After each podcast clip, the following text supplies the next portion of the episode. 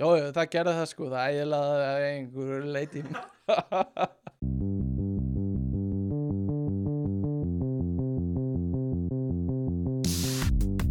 Halló er eitthvað að frétta Já, það er ekkert það er ekkert að frétta. Já, það er Já, það er ekkert að frétta. Ekkert að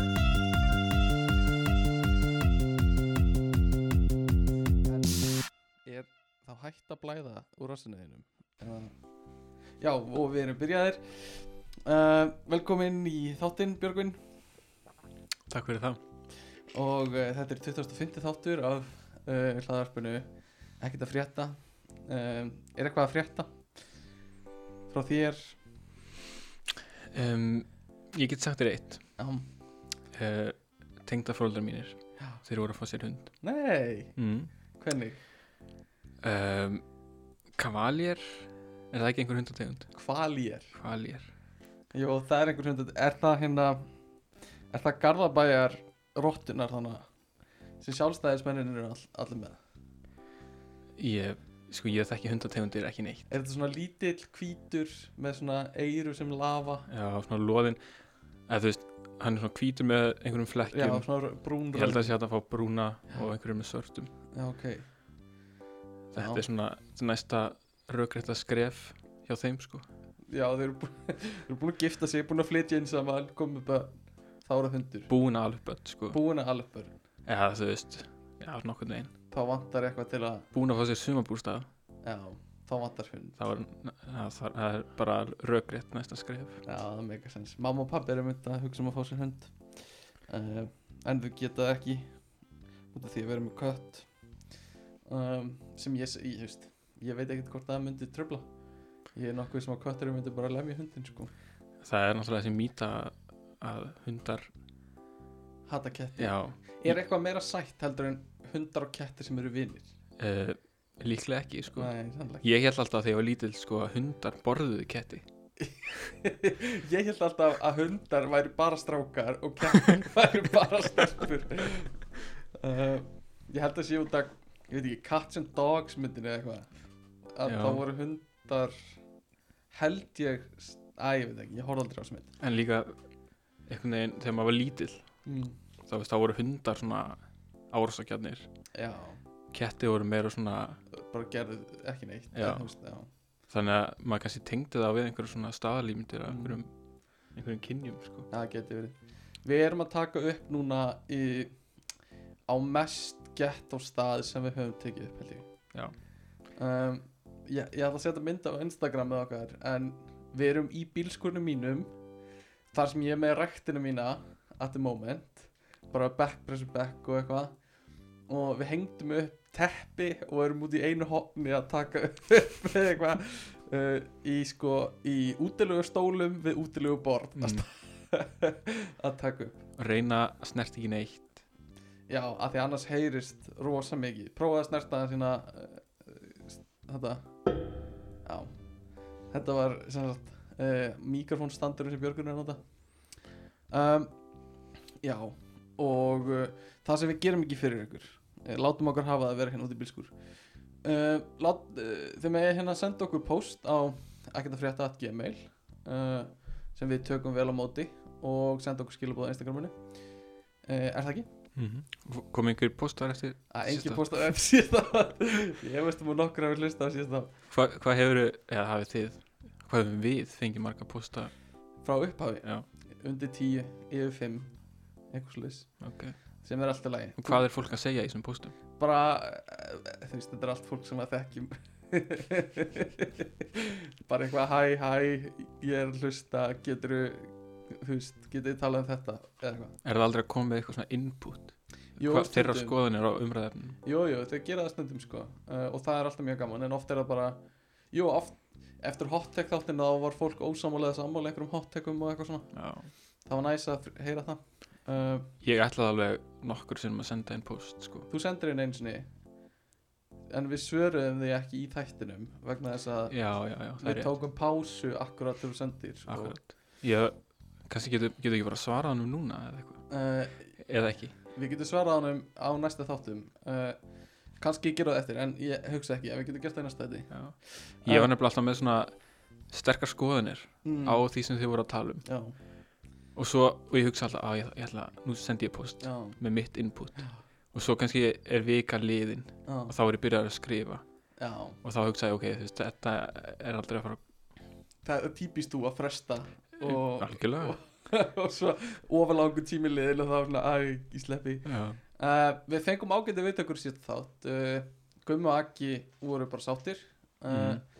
Ég veit um einn strák sem hlustaði sem um, sem var með okkur úti í Eindhoven og Íslendingur og hann, hann saknaði Eindhoven talsins þannig að einn þriðja hlustendahópunum okkar vill fá meira Eindhoven tal um, sem, sem, og ég var að hugsa um að kannski fá að hringja í strákana í einhverju þætti og taka svona spjall á þá uh, ég var að klára próf í síðustu viku þess vegna vorum við, erum við ekki búin að vera að taka upp um, og var bara að læra fyrir prófa gekk bara vel uh, hvernig er skóla þinn núna?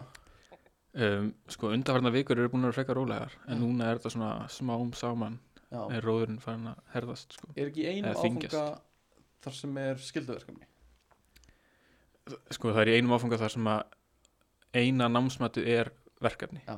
hópverkefni, 100% Já. en svo eru þrýr aðrir áfangar þar sem er 25% af hópverkefni eða svona paraverkefni ok, ok og já, þannig að þetta er ekki alveg bara ekkert að gera kannski Nei, en svo er ég líka bara allt og latur, það verður að segjast er það?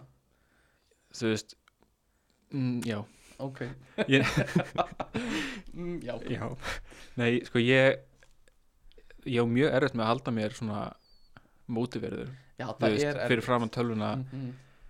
Þannig að þú, þú ert semast, þú ert í skólanum skólu þinn er úti, allt á netinu hérna heima, Mhm. þú ferð til mömmu þinn að læra Já, svona til þess að breyta um umhverfi og svona til þess að hafa tíman svolítið afmarkaðan, sko og það er dröldu erfitt Já, að einbytta sér Já. Við, þú veist, þú ert, þarft ekki að mæta neitt í tímabeint bara á netinu og svo þarftu bara sjálfur einhvern veginn að fara að mótu við þau já, og það er ekki einu sinni, sko það er engin svona einhver heimadæmi eða heimaverkefni sem að halda þér við efnið Nei, þú þarft bara að sjá um það og ég á bara mjög erfitt Já, með það já, ég fer alltaf bara að gera eitthvað annað Já, ég trú því, YouTube er ekki vinum hans í þessu sko Nei, og hérna talandum um það við vorum að hérna gera upp tölvuna okkar sem við erum með hann á skrifstofu á heimilinu hjá mér og við fengum tryggva bróður minn sem er nörd til að til svona basically að sjá um það og hann og vinir hans fóru bara og keiftu í tölvu og settu saman sjálfur þú veist, keiftu bara kassa og, og þú veist, móðuborð og aflgjafa og grafíkkort og allt þetta bla og settu bara saman sjálfur sögðu að vera miklu ódýra og þú veist, eins og gefur að skilja með svona drasl þá lítur það ógeðslega nördalega út mm.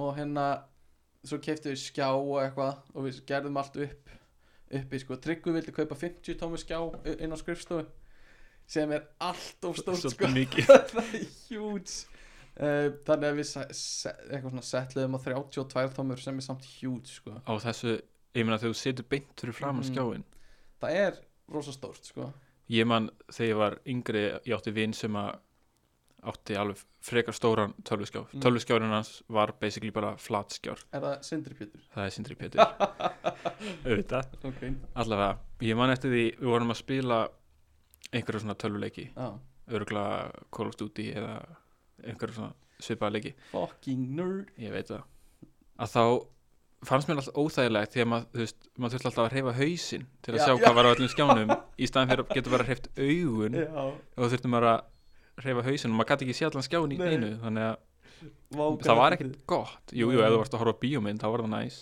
Já. Þetta er Þetta er svona eins og í bíó eða þú situr alveg fremst já.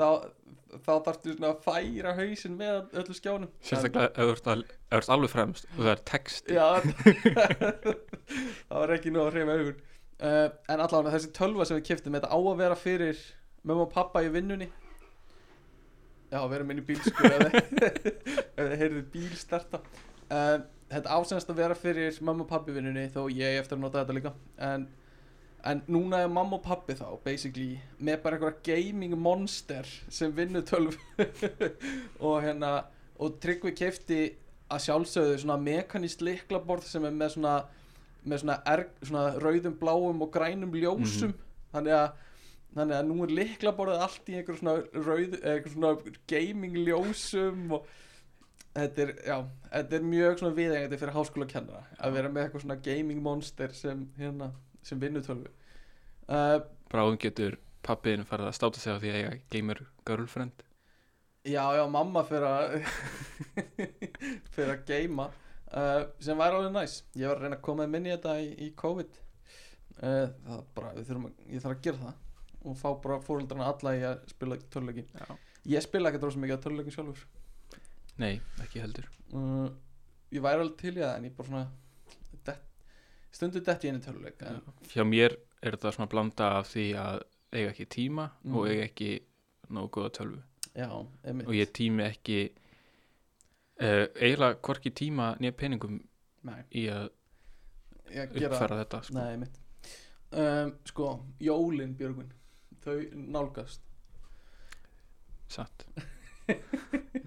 Eða- þau nálgast alltaf, Já. sama á hvað tímapunktu þau er þau nálgast alltaf og Og fjarlægast Já, já um, Er það samt ekki þannig að þau fjarlægist fyrir hluta ársins Og nálgist Í seinni hluta þú veist, Æ, ok. nei, ekki að þú ætlar að vera mjög nákvæmur Nei, ok um, En hérna Er ekki allir sammála um það í ár Að taka jólin Svolítið harkalega mér sýnist flestu vera að byrja að skreita talsvert Úti já. á undan áallun sko. Mér finnst það eh, og ef þú ert að hlusta þá finnst mér það er íhugað alvarlega að taka jólin í ár harkalega en hvað hva fælst í því? bara þú veist, fara all in í skreitingar í fyrsta lagi uh, bakstur og allan bara svona jóla anda almennt Mm. og þú veist eh, ef þú ert mannskja sem er vanlega ekki með tré fá sér tré og skreita það Já. og þú veist reyna að svona fá almennilega jólastemningu bara í mannskapin ég er vanlega ekki drósa mikið í jólastuði Nei. eina sem kemur mér í jólustuð er eiginlega bara þegar ég er að vinna á jólunum sem jólusvein Mm. sem ég reyndar sé ekki fram á þessi jól ekki mikið myndið þú vilja ráða jólasvein núna í eitthvað heimti bara einhver ókunnugur kall nei, kannski ekki heim til mín en ég meina þeir eru líka á einhvern giggum hjá já, fyrirtækjum og, jólaböllum hjá fyrirtækjum og þú veist út í búðum mjög oft já, það verður kannski ekki það verður líklega ekki mörg jólaböll en ég meina, Nei. ég meina ef að allt gengur vel þá gætu alveg kannski farið upp í 50 manna Mm. mm. samkominn bann en þú veist ég veit að það kannski má en er það skinsamlegt að vera einhver jólasvein sem er að fara á milli þú veist fimm balla á um helgi nei, en ég meina þú ert líka að taka einhver svona útigigg já, já, er það ekki já, já. Þá En, get, þetta, en þetta er allt sko, rosa mikið af því sem jólasvein gerir er innan 2 metra, 1 metra já, þannig að það þyrfti einhvern veginn að skipulegja þannig að krakkarnir megi ekki koma nálægt jólasvein sem er ókvæmstlega skrítin Já. stemning það verður líka mjög fyndið að sjá jólasvein með svona, svona plast hlýf fyrir já, andlitin já, já, plast hlýf Já. það er ekki gríma það það er bara hlýf já, hlýf í einhverjum með hanska, veit ég svo var hérna, yfirmaður minn var að tala um á Facebook hann var að auglýsa á Facebook, tjekka áhuga hjá fólki einhverjum svona zoomsveina ég veit ekki hvað mér finnst um það þú veist að jólasveinin hitti fjölskyldur í gegnum zoom ég meina allt er lægi kannski Já, já, ég meina ef að, ég meina hann er náttúrulega að reyna að græða pening, Já, 100% þetta er bara mikið peningamaskina þannig að ég meina hann vil gera hvað sem er væntanlega Já, en ég meina, maður hefur alveg heyrt af svona skemmtikröftum, bara svona professional já, sem að hafa verið að gera svona Zoom gig já, og þeir tala um al- alveg að það sé talsvert erfiðara já, það er það sko ég, ég er svolítið hrættur um hvernig þetta verður sko en ég meina þetta hlýtur að rætast ég, ég veit ekki hvort ég myndi sjálfur leggja í að fara þessa dagana núna Nei. uh, á staðinn sko en svo kemur í ljós á, á, í venjulega ári eru þau búin að tala við okkur jólusinna á þessum tíma mm þannig að ég veit ekkert hvernig það fer það er svolítið fyrir mig svolítið einmannalegt að vera ekki á neinum giggum af því mér finnst þetta drullu gaman að fara á jólaböll og, og hérna og hérna taka gig En hefur þá ágjör á því að þú komst ekki í jólaskap ég hugsa að það verið erfiðara í ár þó að ma- ég ætla að leggja mig allan fram Mhm. um, En ég held, ég held að allir setji svona 10% meira í jólin Mm. allavega, já, bara ósarra já. og líka bara við, við hvetjum alla til að eyða pening þetta er bara, ég, ég hvetir kapitalisma kapitalísk hugsunarháttar í ár Já, ég held að það sé gott bara vegna þess að það er kannski næs að fá eitthvað eitthvað gúmilaði en líka bara til að halda markaðan gangandi Já. Ég held að það er margi kaupmenn sem Já. er að reyða sig á jólasísoni sko. já. og jafnvel sko nýta innlenda netverslun en ekki erlenda Já. sem er ekkert vittlust ef ef þú getur sko, þá er ekkert vittlust um, en hvað ert þú með að borða á jólunum? um, Síðustu mörg ár hefur alltaf verið hambúrgarreikur heima hjá mér Er það bara eitthvað svona fullt af hambúrgurum sem liggja í einhverju svona hrygg Já, og er eitthvað sérstætt á þetta er, þetta er hambúrgurum? basically bara hambúrgarar og svo bara stinga mænu í gegnum Næs nice. það og rifbein á milli Já, og svo rýfur upp bara svona Já. af rýfunum Já. Hversu oft heldur þessi brandari hafi verið sagður eða gefið í skín hambúrgari og hambúrgarhryggur þú veist, ég held að allir segja hann brandara svona fimm sinnum þannig til þau verða 15 ára Já, sennilega oftar jáfnvel, Já. en svo heitir þetta, ekki- þetta heitir hamborgarhryggur Mm, mm, ég, 100%. þú veist ég held lengi að það heitir bara hamborgarhryggur Já, já, ég, ég, ég áttaði mig ekkert á því þú veist, er þetta tengt við hamborg í Þýskalandi? sennilega ég, ég meina, er það ekki sama, er hambúrgari tengdur Jú, Það hlýtur örgulega, að vera. hamburger Eða ham, burger samt ham er bara skinka, skinka en hamburger er það ekki af nöyti yfirleitt, jú, en þú skinka er á svíni já, já, Já, en ég veit ekki hvort að þetta ham er dreifað ég... Ég- hamburg eða ham svíninu þetta er góð Þú veist- spurning sem við ættum kannski að vita þú veist, það væri svo létt að googla þetta já, nenni ég ekki Nei. uh, eða, jú, ég get googlað þetta uh, en Björgvin, talandi um jólamat hvað er uppáhaldsmatur þið? uppáhaldsmaturinn minn er uh, brostnar vonir fjandmanna minna já, uh, farður eitthvað með því einhverja dressingu eða, uh, koktelsósu ok, það er þetta kemur í svona lengjum ná dýfir lenginu onni já, kóttilsósa bara eins og franskar er. uh, herri, hambúrgari er dreifað af hambúrg já, uh, ekki ham uh, uh, já. en hambúrgarhryggur er sannlega líka dreifð af hambúrg já mjög líklega Ég- Eh, allan að en til þess að svara spurningunni af alvöru já, ég held ég sé mjög leiðileg manneski að segja að ég haldi Eigi- að ég eigi eiginlega engan engan uppáhalds alvöru uppáhaldsmat ok, nefndu mér þá einn góðan mat sem þið finnst góður uh, hambúrgari já. þú veist, en samt ekki bara hvaða hambúrgari sem er þú, ég man að þú talaðir um að, að búllan væri með bestu hambúrgarna þeir eru með bestu sveittu hambúrgarana ok, ég er ekkit endalega viss um að ef ég ætlaði að fá mér bara besta hambúrgara sem ég gæti fengið mér mm, að ég myndi fara á búluna nei, en mér finnst hambúrgarar mjög góðir já uh, en svo þú veist, með uppáhalds ég veit það ekki, Nei. þetta er bara í hvað stöði er ég já, og kannski svona smakka ég eitthvað og þá er það uppáhalds í, já í mánuð M- minn uppáhaldsmatur var og er allan að mjög ofalega er svona lambalæri eða eitthvað mm. og ég veit að Argrimur hatar lambalæri eða lambakjöt uh, þannig að hann má bara fokka sér Argrimur Einarsson hann, er bara, hann lítur að vera að gera eitthvað vittlist Já, hann lítur að, hann lítur hann bara var bara að elda þetta vittlist hann var að segja okkur frá hvernig lambalæri væri á bræði og hann var bara hann lísti því bara eins og það væri ógísla illa elda að já, þannig að það er hlýtur að vera máli Ég hef nefnilega sko án þess að ég ætla að vera eitthvað leiðilegur við mömmu mína Já, hún er held ég ekki að hlusta Nei. en mér þú veist, hún eldar mjög fínan mat sko, Já. það er ekki það en, og mér fannst hambúrgara, nei hérna lambalæri og, og lambarhyggur sko. og svona bara mjög gott sko mm, en hún er svona á gamla skólanum þar sem fólk e, bara eldar kjötið þangað til að það er bara, bara Bara- svoðið já, eða þú veist bara, það er bara steindautt já, sko. já. en svo, þú veist, einhvern tímann smakkaði ég lambalæri þar sem að þú veist, það var ekki, þú veist, það sem að var svona medium rare Mhm. kannski og mér fannst það bara miklu betra Já. en þú veist, sem bara samá með munun á mér og mömmu, þú veist, henni finnst nautasteik bara betri góð. þegar hún er bara veldón, Já, sko já. Þannig að- Einmitt. þú veist, kannski kannski hefur hann bara ekki Kannski. smakkað vel elda lambalæri talandi um mömmuðina hún fylgist nú vel með var það hvað voru að tala um hana tebóðið podcastið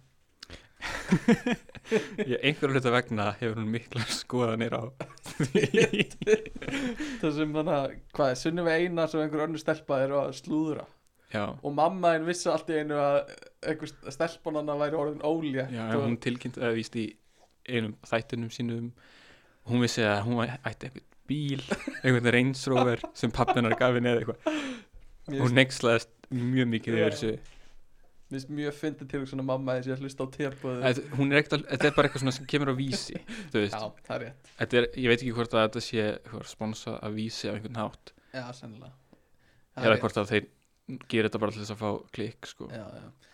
sem þeir gera örgla uh, en sko uppáhaldsmaturinn minn var oft lengi vel slátur líka Í- sem er ógæslega skrítin uppáhaldsmatur Mér fannst þetta á tímabili uppáhaldsmaturinn minn var bara grjónagrautur já, já, þú gerir líka helviti fínan grjónagraut sko, Já, en þetta var samt bara á meðan að þú veist, mamma einn var elda já, og hún gerir talsvert öðruvísi grjónagraut heldur en ég geri ég man eftir grjónagrautnum sem uh, kom alltaf í mötuneytinu Mér fannst hann drullu góður það var sko best Það var bara, það var bara þegar grjónagrautur á 50 dögum Já. það var bara yes sko á Það var fimmtudögum alltaf á maður vissi fimmtudögum. það og það var sko ógæslega skrítið kombo grjónagrautur uh, og svo var slátur með því sem er ekki dróð skrítið já, Það er lifur að pilsa það er lefur pilsa og, og svo var sko brauð með smjöri og ost Já. sem er ógæslega skrítið kombo við þetta Það virka bara eins og svona Æ, hendum þessu bara með, Já, það já, vantar já. aðeins meiri Það vantar næringu í þetta og en þú veist, sem var til þess að maður borðaði grautin, minni mig og svo notaði maður stundu brauðið til að svona, til að svona hérna, s- hreinsa diski sinn Ég eða bara dýfði því og notaði bara brauði sem einhvers svona skeið og var, stundum var ostur og stundum var malakoff já, man ég. já. það, það er líka malakoff er skrítin matur Sko, ég- ég man eftir þessu malakoffi Já. með grónagrötnum í, Já. ho- í Hofstaðaskóla Ég smakkaði það aldrei ekki Ég bara, í fyrsta lagi fannst mér að líta hræðilega út já, og bara þetta orð, já, það fekk mér til þess að bara, ég ætla ekki að smakka þetta bara Ég tek ostinn, og en ekki það ég læti þetta í friði malakoff já, ég mér grunar svolítið að ég hafi verið uh, barn í æsku sem ég myndi vorkenna í dag bara með við hvað ég, þú veist ég man til dæmis eftir einu ammæli þar sem hérna þar sem að bóði upp á pítsu og svo, svo var bóði upp á súkla kukku eftir það mm. og það sátu allir saman og borðuðu pítsuna og hérna við bara svona st- bara borð inn í stofinni og svo kom kakan og það borðaði allir kökuna og svo fóru allir að leika nema ég satt eftir einn og hélt, hélt áfram að borða og með allir aðri voru farnir að leika uh, og satt bara í langan tíma og fórildranir komu og höfðu alveg áhyggjur af mér Nú varstu það bara, Mér finnst bara svona, gott- s- bara súkulakakir var geðveikt góð. uh, þannig að ég já, ég satt hana einn að borða mm. uh, og meðan aðri voru farnir þannig að ég, ég held og sama með bara svona mötunaut í skólum að byggjum meira og eitthvað svona Mm. ég, ég er svona, ég hugsi ég myndi vorkenna svona mannesku í dag eða sjálfur mér í dag Já, Bara svona þessi, það er eitthvað, eitthvað ekki í lagi þannig já uh, uh, en já, grónagrauturinn í grunnskóla Þess, jafnvel þó hann hafi verið í bakka já, hann var bara lengi, Já. það var ekkert mötunit og hann kom bara í bakka og Mhm. það var bara geðveikt það var eitthvað við þetta það var eitthvað hvernig hann var gerður mér finnst eh, þegar ég gerir grónagröti þinn í opni mm. staðan fyrir að gera hann bara í potti já, mér finnst hann eitthvað líkari þessu já, það er auðvitað eitthvað svona svipu taktík að elda þetta svona í bakka Já. eh, í svona, nei, í svona álbakka sko það sem ég þegar ég uppgötaði það að setja vaniludrópa já, það var bara bylting, bylting sko. það er bylting maður svona maður, fatt, ég, maður hugsaði kannski út í þetta lengi en þegar maður fattar þetta þá er svona auðvitað, akkur er sko. bara það sjálfsagt Já. bara hérna uh, skrítið að hafa ekki fattað þetta alltaf mm -hmm. um, sko hvað það er eitthvað við mat maður heyrir þetta endalust eitthvað svona matur uh, brings people together og eitthvað svona matarmenning allstaðar í heiminum Mm -hmm. er einhvern veginn miðið að því að fólk komi saman tapas á spáni og eitthvað svona japansk matarmenning sest að, setjast allir saman við borðið og eitthvað svona Mm-hmm. íslensk matarmenning er ekki til hún, nei, ekki á þennan hátt sko það er bara þú borðar þinn mat sem er í askinu þínum undir rúmi og svo kúkar í askin sem er hliðin á því og bara reynir að borða á þess að þú deyir sko. það er matamenning á Íslandi já, og það- hérna en já. enda sko þú veist ef, ef þú hugsar um mat sem var í bóði mm, þú veist, þegar að þjóðin varð að vera til já, þú veist að- ég get ekki ímyndað mér að þetta hafi eitthvað svona matur til þess að það er allt sem allir súrt. voru spennti Já, fyrir nei, súrt, kæst salt, salt, og, og skýr þú veist, eina krytti sem var í bóði var bara salt var salt í bóða á Íslandi? já, ég meina, einhvern veginn saltaði fólk já, það er rétt, vá, auðvitað ég var að segja það já, já, já, og, og þú veist, að láta flutina mikla já, nánast já. þú veist, það var einu leiðin til þess að fá eitthvað bragð og í rauninni var það ekki einu leið til að fá bragð heldur var það bara leið til þess að geima matinn og það kom bragð Já, eins og uh, bara Egil Gallagrimsson sem sem fór hann að, var það ekki Egil sem fór á eitthvað næsta bæ og fekk skýr og bjór og ældi svo hljóma kunnulega, ég veit ekki nákvæmlega hver það var þetta var maturinn á, þú veist, n- 900 og eitthvað eða Einmitt. 1000 og eitthvað og bara skýr og svo drekkur og öl um en ef maður ímynda sér sko eins og þú nefnir Spán mm. og Japan og eitthvað svona, þú veist, það eru öll þessi krydd í bóði Mm. það voru örgulega líka í bóði á þeim á þessum, sem- þegar svona þjóðin var að vera til, ef svo má segja Já, en þá- maturinn var örgulega miklu fjölbreyttari Mm. og einhver svona ástæð til þess að Mm. meiri ástæð til að koma saman yfir mat já, já, já og, og hérna, þú veist einhver svona, þetta er eitthvað svona að hittast ég veit ekki einu sinni á dag mör, á, á mörgum stöðum þar sem hádegismatur er kannski stærstur mm -hmm. uh, og s- eða um kvöldið, þar sem kvöldmatur er stærstur kvöldmatur er óneitanlega stærstur á Íslandi hann er það núna mm um, en á mörgum stöðum er það hádegismatur borða hádegismat, taka siestu leggja sig en það er samt, þó þessi eiginlega búið á Íslandi þá held ég að það hafa alveg verið stort þegar að, þegar að þú veist, konur voru bara heimavinandi húsmaður mm. að þá voru örgulega margir karlar sem að komi heim í hádeginu, Mhm, borðuðu og lögðu sig, já ég held að það sé mjög þekkt algjörlega ég, held, ég þekki marga bara margir pappar vinum minn að gera þetta sko já, og koma heim í hátteginu og, og fá sér að borða og fara svo aftur út af já, vinnu pappi gerði þetta alveg já. stundum sko já og sem megar alls sens um, en eh, já það er sem mismundi matamenning sem er svolítið svolítið fyndin að því Ísland mér finnst Ísland oft vera svo út úr í svona menningarlegum samhengi einhverju mm uh, já, til dæmis tengdu, tengdu mat um, en uh,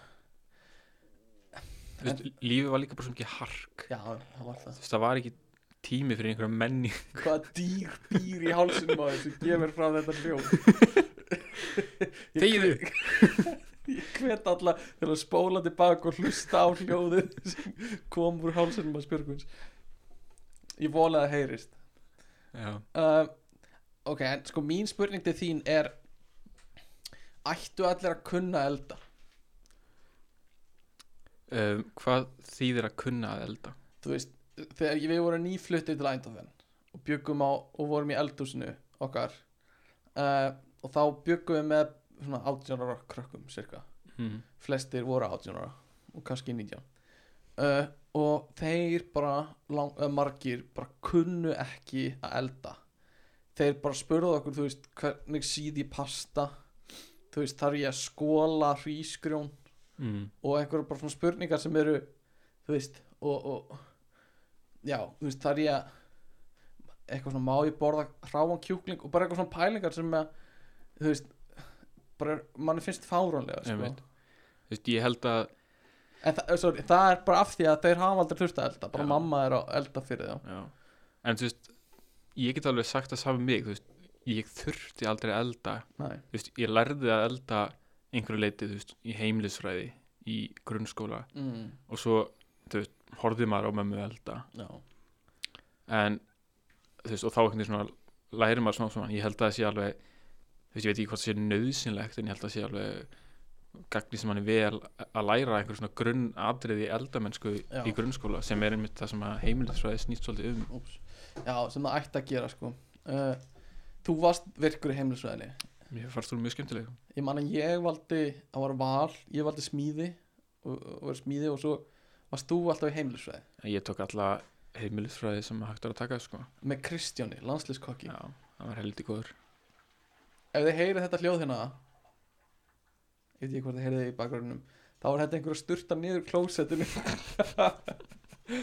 og það heyrðist í pípunum uh, þetta er mjög gett og aðstæður hérna já, en uh, uh, þannig að ég mætti til þín eftir smíðatíma í eldhúsið þar sem þú varst kannski nýbúin að baka smákökur mm -hmm. og maður vildi fá að smakka Mm eða eitthvað já, uh, það var mjög típist og ég man eftir kennaranum okkar, heimilislega kennaranum okkar í, gar- nei, í Háfstæðaskóla semast í Hún fyrsta Áslaug? til úf, fyrsta til sjöndabæk mm veist, í minningunni er hún alveg mikil svona harðstjóri ég mhm, veit ekki hvernig er best að orða þetta á ekki ofleðilegan hátt en var alveg vel ströng mhm. og þú veist, ef maður vildi ekki borða græmmiti þá var hún mjög pyrruð sko. og en kannski var hún ekkert svona slæm, ég veit það ekki Ég, sko, ég tengi alveg við þetta já, en ef maður ímda sér að vera með 20 krakka já sem, þú veist, inn í eldhúsi mm, þú veist, hversu mikið getur farið úrskeiðis ef þú ert bara slök, já, kannski þarf bara hörku já og hún, einhvern tíma skamma hann mig af því ég setti sápu onni eh, eh, svona uppþvotta hérna þegar við vorum að þvo upp, lötu við renna vatn hún í hérna eh, vaskinn mm -hmm. og fylltum hann og ég setti sápu á meðan það var að renna þannig að það kom fullt af sápu, mm, eða fullt af fróðu já, og hún húðu skammaði mig fyrir að setja sápuna og eitthvað svona það var náttúrulega bannað sko. það var, bann, það var margt sem var bara hart bann þú þurftir alltaf að bleita uh, hérna tissue og setja undir skurðbrettið Já. sem er samt alveg gott ráð gott ráð sko uh, þetta er svona lifehack Þetta þetta, er væri á lifehack. 5 minute já, kraft 100% uh, en hérna já, eh, fínir tímar, heimlisveið þannig að þú veist, reyndar eitt vanandi heimilsfræðina í hofstaðaskóla eða í Mm. grunnskóla sko örgulega 70% var Mm. bakstur já, það var ekkert mikið verið að láta okkur elda nei nei, nei, nei, einmitt og í mi- minni ei, já, í minningunni Já. þá var alltaf verið að baka sama brauðið já, tr- það, ég man eftir það var alltaf bara svona fléttubröð var eitt já, en en þetta var alltaf bara svona sama degi sama Já. uppskritin Já. í mismunandi formi já, stundum einhverju lengjur, stundum fléttur stundum bollur stundum pilsur inn í því A- já, en Pilsin alltaf sjálf. sama bræðið af brauðið Já, já, algjörlega Það er að góða punktur um, Og svo mátti maður aldrei borða það fyrir maður var komin út eða eitthvað svona Þú veist að maður sett í pókan mm. maður þess að hafa pókan og taka með allavega uh, Hvað var það besta sem mátti gera í heimilisveið? Hvað var svona góðtúið hjá þér? mm.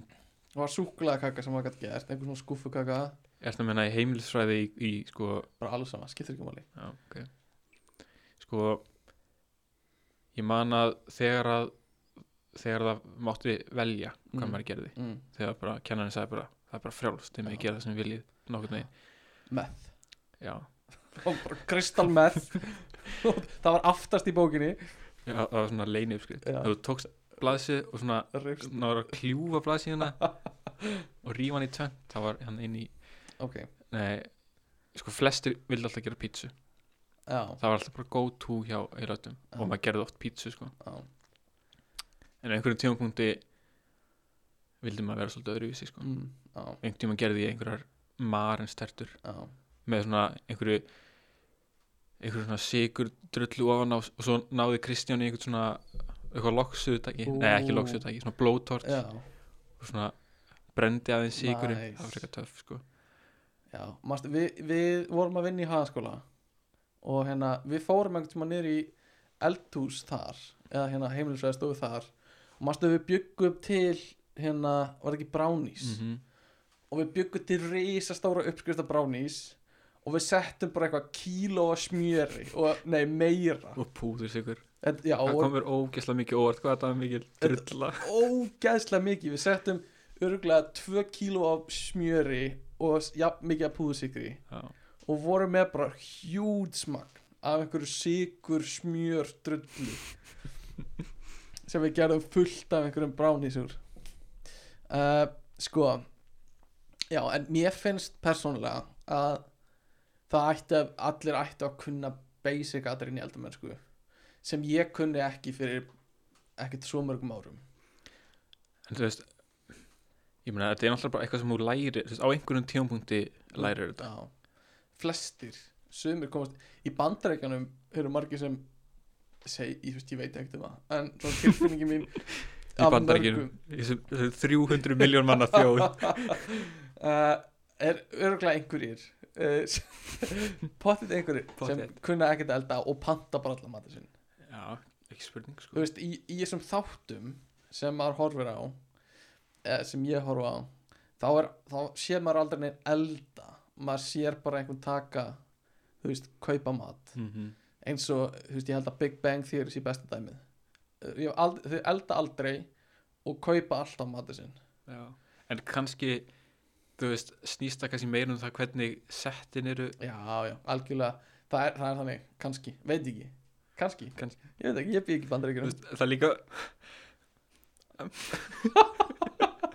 alltaf dæma sko bandarísku þjóðun eftir því hvernig, hvernig Big Bang Theory uh, það, það, er ein, það er það sem ég geri Það er bara, Friends og Big Bang Theory Já. það er bara þú veist, það, þannig haga bandaríkjum með sér já, og hafa með sem maður það er aldrei elda inn einu þessu þó að Monika sé kokkur uh, hvað er svona fyrsta, hvað er svona go to hjá þér þú eldar, eða eldaðir allan að þegar þú bjóst ekki hjá tengduföldurinnum já, þá eldaðir þú alltaf Be já, kannski fimm sinn mjög já.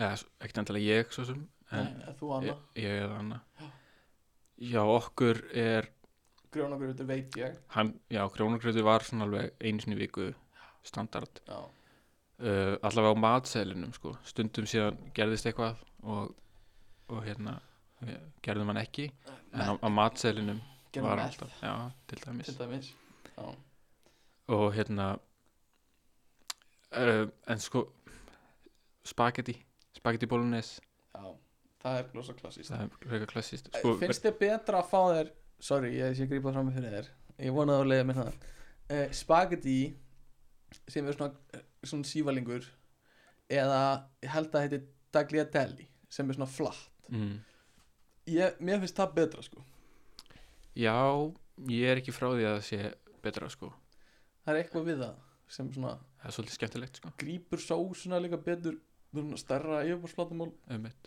já, einhvern veginn uh, allavega þú varst að segja eitthvað Hey, ég greip fram fyrir þér já. ég ég var held að vera að tala um meth Þú ert svolítið mikið í því Þú kannski kannski með eitthvað uppskrift að, að, af með meth við kannski fyrir mig það eftir Nei, það sem ég var að segja Já, spagetti bónulegis er svolítið góð tú Já. Raunverulega er matseðlun okkar mjög svona takmarkaður Við endum Já. alltaf við að gera sömu hlutina Já. og erum alltaf eitthvað svona Ok, nú skulum við gera eitthvað Já, nýtt nú gerum við Nú eitthvað gerum við eitthvað nýtt Já. og svo svona leitum við í klukkutíma Já, og svona, æ, ok, gerum bara krónagröð já. Eh, hjá mér er rosa mikið go to lasagna Já Þú varst alltaf að tala um að þú gerðir bara svona fimm daga skamta, Já, viku skamta þegar við vorum úti já eh, eh, þegar ég var þe- úti þá eldaði ég alltaf uh, fjórarmáltíðir basically fjórum máltíðir í einu já, sem matur kannski fyrir, kannski matur fyrir venjulega mann kannski sex máltíðir fyrir mig fjórar eða eitthvað mm. uh, og hérna uh, ég borðaði eina og svo geimti ég þrjár Mm var svona, var svona go to ég maður eftir einu tilfelli þegar ég var úti og var að elda oh, ég, ég fæ bara sko ælun upp í hálsin þetta var, þetta var sem sagt á þeim tíma úti þegar ég var nýkomin út í fyrra þá var ég veikur mjög snemma ég fekk uh, lúnabólgu eða svona, Mhm. já, basically lúnabólgu í bara byrjan oktober og var veikur í þú veist, næstu tvo mánuði uh, og einhvern tímann í miðjum veikindunum þegar ég var búin að missa bragðskinnið svona að miklu leiti bara svona eins og maður gerist þegar maður er veikur Mhm. og lyktaskynið um, þá ákvað ég að elda og ég kaup mér eitthvað hakk og þetta er ekki fyrsta flokks hakk sem er það núti mér finnst einhvern veginn hakkið hérna heima miklu betra Mhm.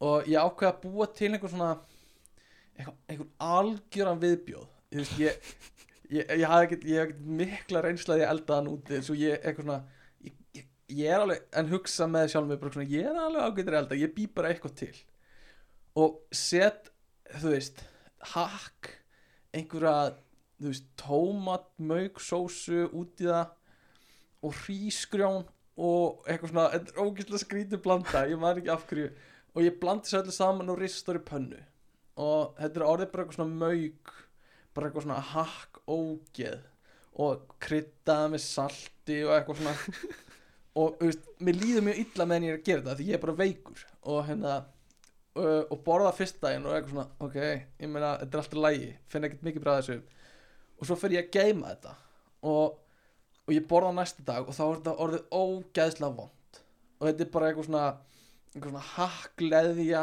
og, og hérna ég er með eitthvað kvítlöksbrauð eða eitthvað með þessu uh, og, og hérna og svo þú veist fresta ég alltaf að borða kannski daginn eftir að því ég vil að því mér veist það svo vond Mhm. uh, þannig ég sleppi því að borða í einn dag og reyni svo að borða næsta dag þá er þetta orðið ennþá ógislega búið að býði fjóra daga og eitthvað svona þannig að þa- þú veist, þetta er auðvitað versta sem ég hef upplegað svona matalega séð var að ég veikur að reyna að pína onni mig einhver ógislega drullu á mat sem, þú veist, sem ég var búin að elda fyrir fjórum dögum og hugsandi bara ég verð að klára þetta og hérna náttúrulega bara fátakur námsmaður sem þurfti að klára matið sinn Já, já. en svo endaði ég að henda síðasta skamtinum Sko ég fíla að þú hafir haft sjálfströstið mm. ég er bara svona ég get hent einhverju saman ég held ég væri alveg með þetta þannig sko.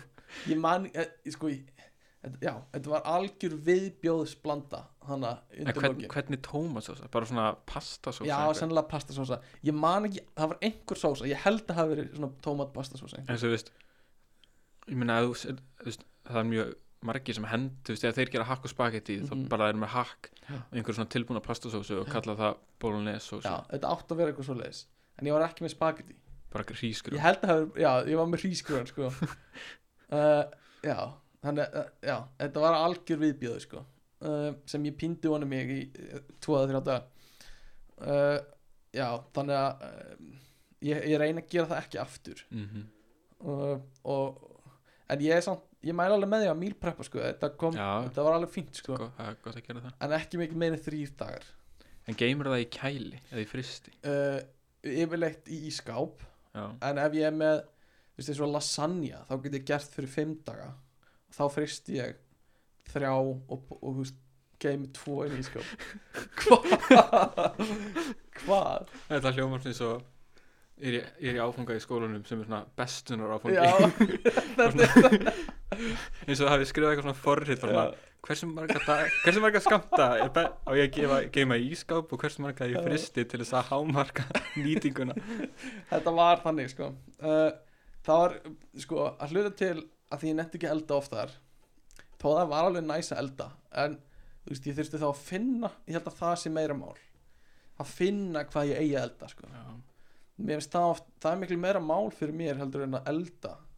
af því þegar ég elda þá bara setja ég eitthvað næst podcast í gang mhm, og ég bara dunda mér, einmitt það er alltaf lagi en mér er svo leiðilegt að reyna að finna eitthvað að elda það er leiðilegastu parturinn að finna já, sérst, ef maður ætlar að finna eitthvað nýtt ég meina, það er ástæðan fyrir það að maður endur alltaf að gera það saman og maður hefur alltaf gert mm líka vegna þess að þú veist, það er svo oft sem maður lendir í því að finna eitthvað uppskrift og svo er hún bara ekki góð já og 100% maður vill svona þú veist það er svo mikið, Ég vil mikið ekki því. eðisla að elda eitthvað og svo bara ó ég hefði geta gert eitthvað miklu miklu betra já, algjörlega um, sko uh, við þurfum eiginlega að taka pásu hérna og, og uh, tala um sponsorun okkar í dag uh, sponsorun okkar eh, er uh, matur og drikkur með, hvað heitir hún, Helga Helga Siguradóttir Helgi Sigurdóttir uh, hún er að sponsa þáttinn í dag við þakkum henni fyrir og að sjálfsögðu eru bananar B-A-N-A-N-A-R bananar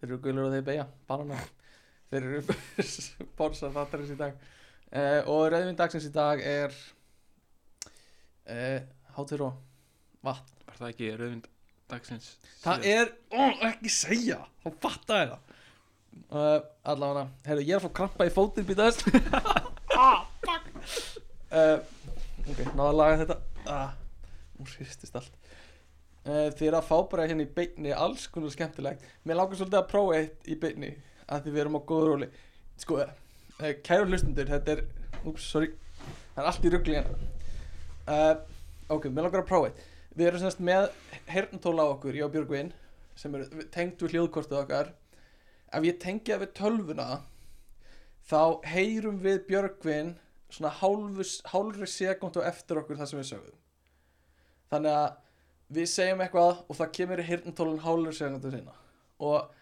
glöggir hlustundu vita það að þú heyrir í sjálfu þér hálfri sekundu sinna þá fer talið bara í eitthvað rugl Þér finnst þú eiga að heyri, heyri þér á sama tíma og þú, já, já, þannig að þá ferðu svona að reyna að leiðri þetta Já, og hérna og kontróla það þannig að ég ætla núna að setja hérna uh, heyrnantólun okkar í tölvuna og leifa láta okkur tala og leifa ykkur að hlusta hversu svona uh, óvandar manneskjur við hljómum þegar eh, við heyrum í sjálfum okkur sko, þetta er komið í núna uh, ég verði ekki hérna að uh, uh, þegar ég stakk þessu í þá hætti upptakan og við tókum upp í smá tíma þannig að það verður svona smá tímakött þannig á þetta uh, en samt sem áður mjög óþægilegt að hlusta á sjálfan sig Pró prófaði að tala Björgvin og reyndi í alvörun að hlusta á það sem er í gangi í heyrnumtólunum Ok, spurðu mig að einhverju Ég skal svara sp- svara uh, já það sem ég ætlaði að tala um næst er krydd Já, Þannig að hvað er svona go to krydd í þinni eldamennsku? Sko- mm. það sem ég nota mikið er kúmin og Æ, afsakið. Já, mm, kúmin og kóriander K, Ká- það ká- vantar eitt K í viðbúð Nei, nei, við Helst skulum bara ekki stoppa- kannski, sleppa því helst ekki. En er ekki kúmen þann að, oh my god, hvað þetta er pyrrandi. Ok, er ekki kúmen þann að kryddi sem fullt af fólki þólir ekki? Nei, það er kóriander Ok, hlustendur, það rugglar svo einstaklega mikið í haustum á mann að hafa röddina á mann svona hálfrið sekund og seint. Það er smá eins og maður sé svona fullur að Já, tala. það er svolítið þannig uh, allir sé óþóland að hlusta á okkur Nei, nei nei, kannski ekki uh, já, allavega, við erum með salt og pipar um, oregano það er um, svona go to í eldamennsku hjá mér það var eitthvað sem ég setti til dæmis svona í kjötkássuna sem við vorum að tala um áðan uh, þá hrúaði ég svolítið vel af oregano og það hjálpaði ekki mikið Heldur það ekki bara eigðilagt Ef þú veist, ef þú hrúaðir Já, já, já, það gerði það sko, það ægilaði að einhverju leik Eh, Það ægilaði sko uh, uh, uh, uh, En svo eru þú veist krydd eins og engifer og hérna, negull og eitthvað En það er ekkert mikið notað, það er kannski meira notað í, í bakstur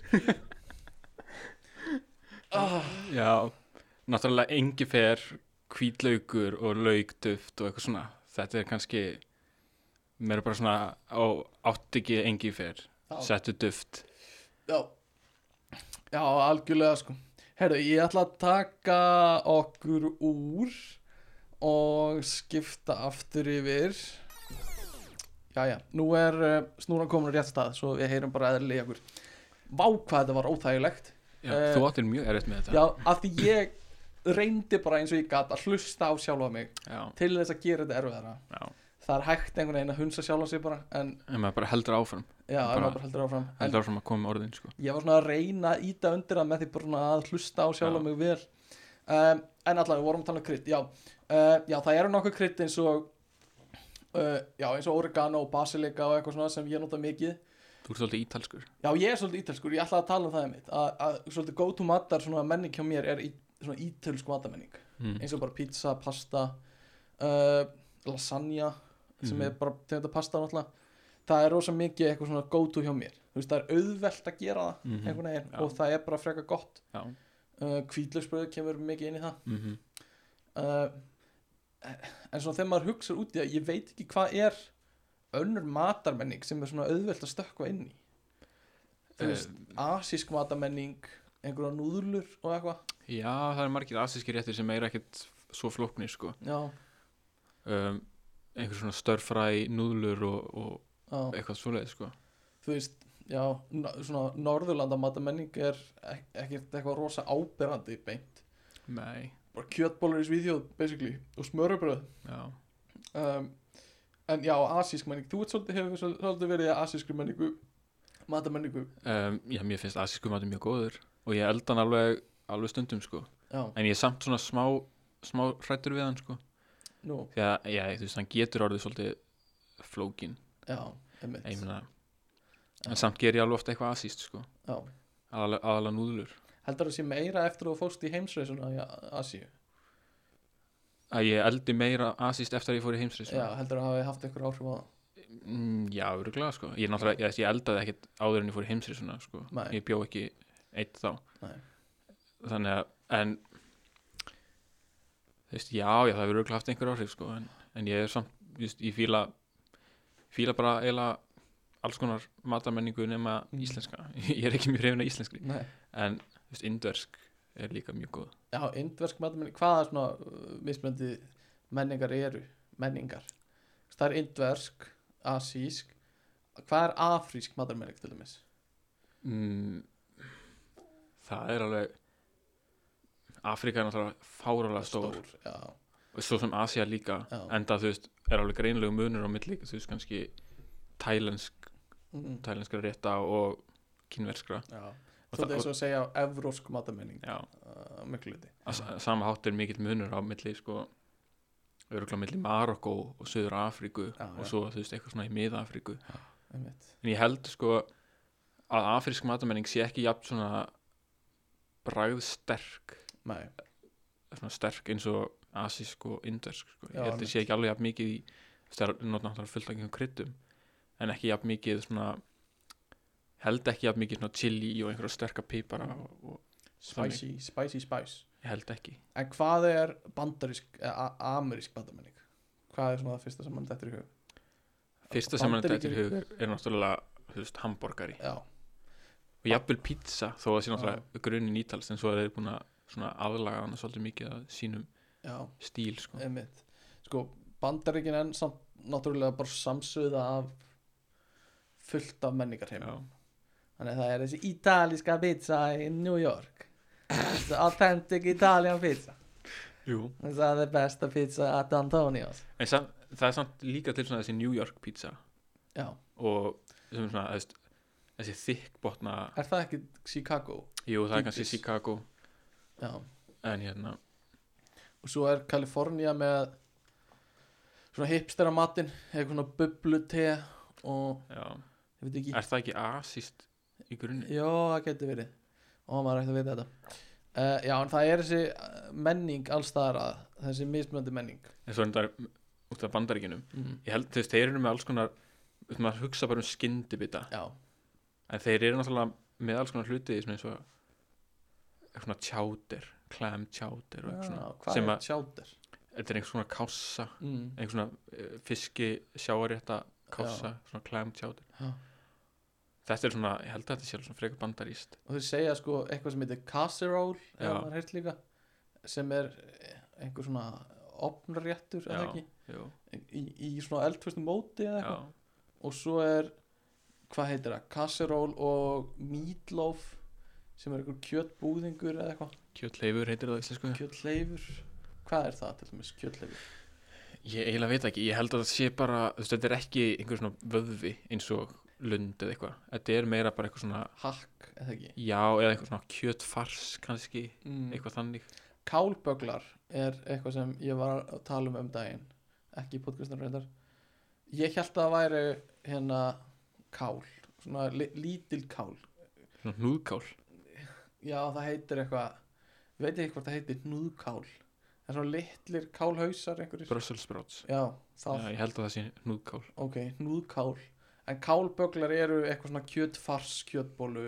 dót Já, þú veist, ef þú, ef þú segir ég er með kálbögla í matinn Já. að þá ertu með svona einhverjar soðunar kjötfarsbollur já, og svoðið hvítkál eða eitth- eitthvað Já. svoleiðis og það eru rauninni kálböglanir Já. en þetta kjöt, þessar kjötbólur fríkja alltaf með og svo er, ég veit ekki einhverja kartöblur eða eitthvað þetta, Já. mamma var stundum með þetta en ég, allt í lagi, ég var samt aldrei mjög hrifin að því nei, þetta var líka í, í hérna í skólunum Já, oft uh, en uh, sko krydd, ég glemt að tala um það MSG mm, uh, það er krydd sem fólk er oft hrætt við að nota mm en það er samt bara venjulegt krydd basically já, þú veist, það er ég, það er ekkit eitthvað hættulegt að nema það sérst bara styrtaði hún í skilur já og það er eitthvað sem gerir mat miklu betri Þetta- finnst fólki sko. Þetta á að gefa þetta svona umami bragð sko. Já, þetta eh, það er eitth- eitthvað svona svona kýlir upp á næsta skref sko. Já, og þetta er notaði skemmtibita til dæmis til að gera skemmtibita Mhm. mm Þetta er mikið notað í asískri matargerð held ég Já svona, af, þetta er líka spurningi sko, af hverju getur af hverju er hambúrgara minn ekki eins góður á McDonalds eða eitthvað, veit ekki Mhm. veit ekki eh, hvort einhver hugsi þannig en allána þú veist, þá er það út af MSG mm Þú veist, það er það, þetta krydd sem gerir þetta uh, en sumir segjast þau eru með ón- ónæmi fyrir því Þetta er náttúrulega Þetta er heila bannað eða, það ekki, eða hversu mikið bannað er þetta Allan að það eru mörgum svona, umbúðum sem hún kaupir Já. þá er no Á- MSG án MSG uh, ég held að sé eitthvað svona að þú þarft að auglýsa uh, að þú sért ekki með viðbætt MSG Já. eitthvað svona en, nei, auglýsa að þú ert með að ég man ekki en, en sko það er að- skrítið að banna þetta því að þetta er í mat venjulegum eins og tómatar eru fullar í MSG Já. þannig að það er ekki hægt að banna MSG En þú veist, kannski er það bara ekki í svo miklu magni í tómutum að þú finnir einhver svona enginni Ég held- Svo er þetta búið að er ekkit allir sammála um að hvort að þetta séu raunverulega enginni Nei, út af einmitt. MSG Ymmi, fólk segist vera með hérna ónami en það er ekki endilega víst, eða, þú veist, það hefur ekki verið sínt fram á það vísendilega Já, og það er, þú veist, fólk með asma og víst að finna, ein, eh, sumt fólk með asma finnur einkenni já, eftir að hafa borðað MSG og þú veist, fólk fær eh, einhverja dofa tilfinningu eftir að Já. hafa borðað þetta já. og, og eitthvað svona kláða í hálsinn og eitthvað Mhm. svona þannig að, að það er fullt af fólki sem heldur því fram en það hefur í raun ekki verið sínt fram á þetta Mhm. MSG hafi einhver, einhver raunverulega áhrif uh, sko þú veist, í svona Asíu mörkuðum Mm. þar getur bara kift bara kíló af MSG bara í póka sem Mm. að, ég meina, og leðublöku með, já, næs COVID leðurblökur. nice. COVID leðublöku og MSG Það er þetta mjög gaman að fara á svona, í svona Asíumarkaði og, og kíkja hún í fristikistunar þar Mm. leynist ímislegt, já, kjúklingafætur já, svona svínafætur einmitt, ég sé þetta þú Alls ert alveg bara á aðskilgum markaðan á Íslandi já, bara já, skeifunni eða einhverstaðar sko. einmitt já, algjörlega, ég sé það við, við farið einhvern tímann nokkuð sinnum það er MSG er eitt og svo eru þarna E-efnin veistu Mhm. hvað það er það er Já. þessi hana E124 eða eitthvað mm -hmm, þetta er einhver efni sem fólk er líka hrætt við mm -hmm. sem ég veit minna um en MSG Já, ég þekki þau ekki mikið en þetta er ekki bara bræðefni, þetta eru líka litarefni já, og já, aðalega bræð og litarefni já, þetta er einhver svona gerfi þetta er Efni, gerfi já. og fólk, eh, margir sem eru að reyna að forðast E-efnin já, ég, ég, ég átta mikið alveg á því þekki það bara ekki nóg vel hvort að fólk sé að forðast það bara vegna þess að þetta er ekki alveg náttúrulegt mm. eða hvort að sé hvort að ég verið eitthvað hættulegt við þetta eh, Nei. sko, uh, margir sem forðast þessi sætuefni veit ég uh, út af því að hald, uh, finnst þau vera hættuleg eða óhóttleg eitthvað svona mm -hmm. uh, sem ég veit ekki hvort það er satt sko. ég veit ekki hvort það hefur einhvern sem verið sínt fram á með óegjandi hætti að eins og sætuöfnin í Pepsi Max séu Svona óholl. gerfið já, sætið já, já. Veist, ég hef heyrt og ég veit ekkert hvort það sé satt Mm. að, að, ger, að gerfi sætuefni þú veist veki upp sama viðbræð í líkamanuðinum sem að þú veist eh, og er rauninu venjulegu sigur að það gera ekki jú að það gerir það þú veist, Já. þannig að þannig að þú veist, auðvitað er náttúrulega sigurinn með hitaeiningunum já, en að, að þessi gerfi sætuefni hafi samt að einhverju leiti sömu áhrif svona seðjandi áhrif í að lífæðlisfræðilega já, já, við erum að tala um, tala um sætuefni þannig að já kærst, frúktósi kærsta mín já, það er sætuöfni hún er sætuefni nei, hvað segir Nei, hérna frúktósi Já. sem að svona er svona high fructose corn syrup sem maður Já. alltaf s- sér á ofta á umbúðum svona. já, engin, engin svo engin, engin þannig það er vist eitthvað svona sem að er bara algjört eitur já, nánast sko. sem- og notað út um allt Já, þetta er sannast corn syrup uh, er, er, er sæt, sætuefni sem er notað í rosalega mikið af þessu Mm. sigraðadrasli til að gera það ógeðslega gott og ekki, ekki bara til þess að gera það gott eða allavega sko því að hérna það er ekki bara að það gera það gott heldur hefur það áhrif þannig að það slekkur á settu tilfinningu já, já, eða settu viðbræðinu Já. í heilanum þannig að, að hættir ekki borða já, þannig, að, já, þannig að ef þú borðar þú veist, ert að borða og þú drekkur kók sem er fullt af þessu mm. þessum, þessum frúktósa í að þá ert að borða borðar Mm. meira af matnum þetta er líka efni sem hérna gerði sko uh, stökkbreyttu X-menina í X-men uh, hættu að stökkbreytast sko og þetta stoppaði stökkbreytinguna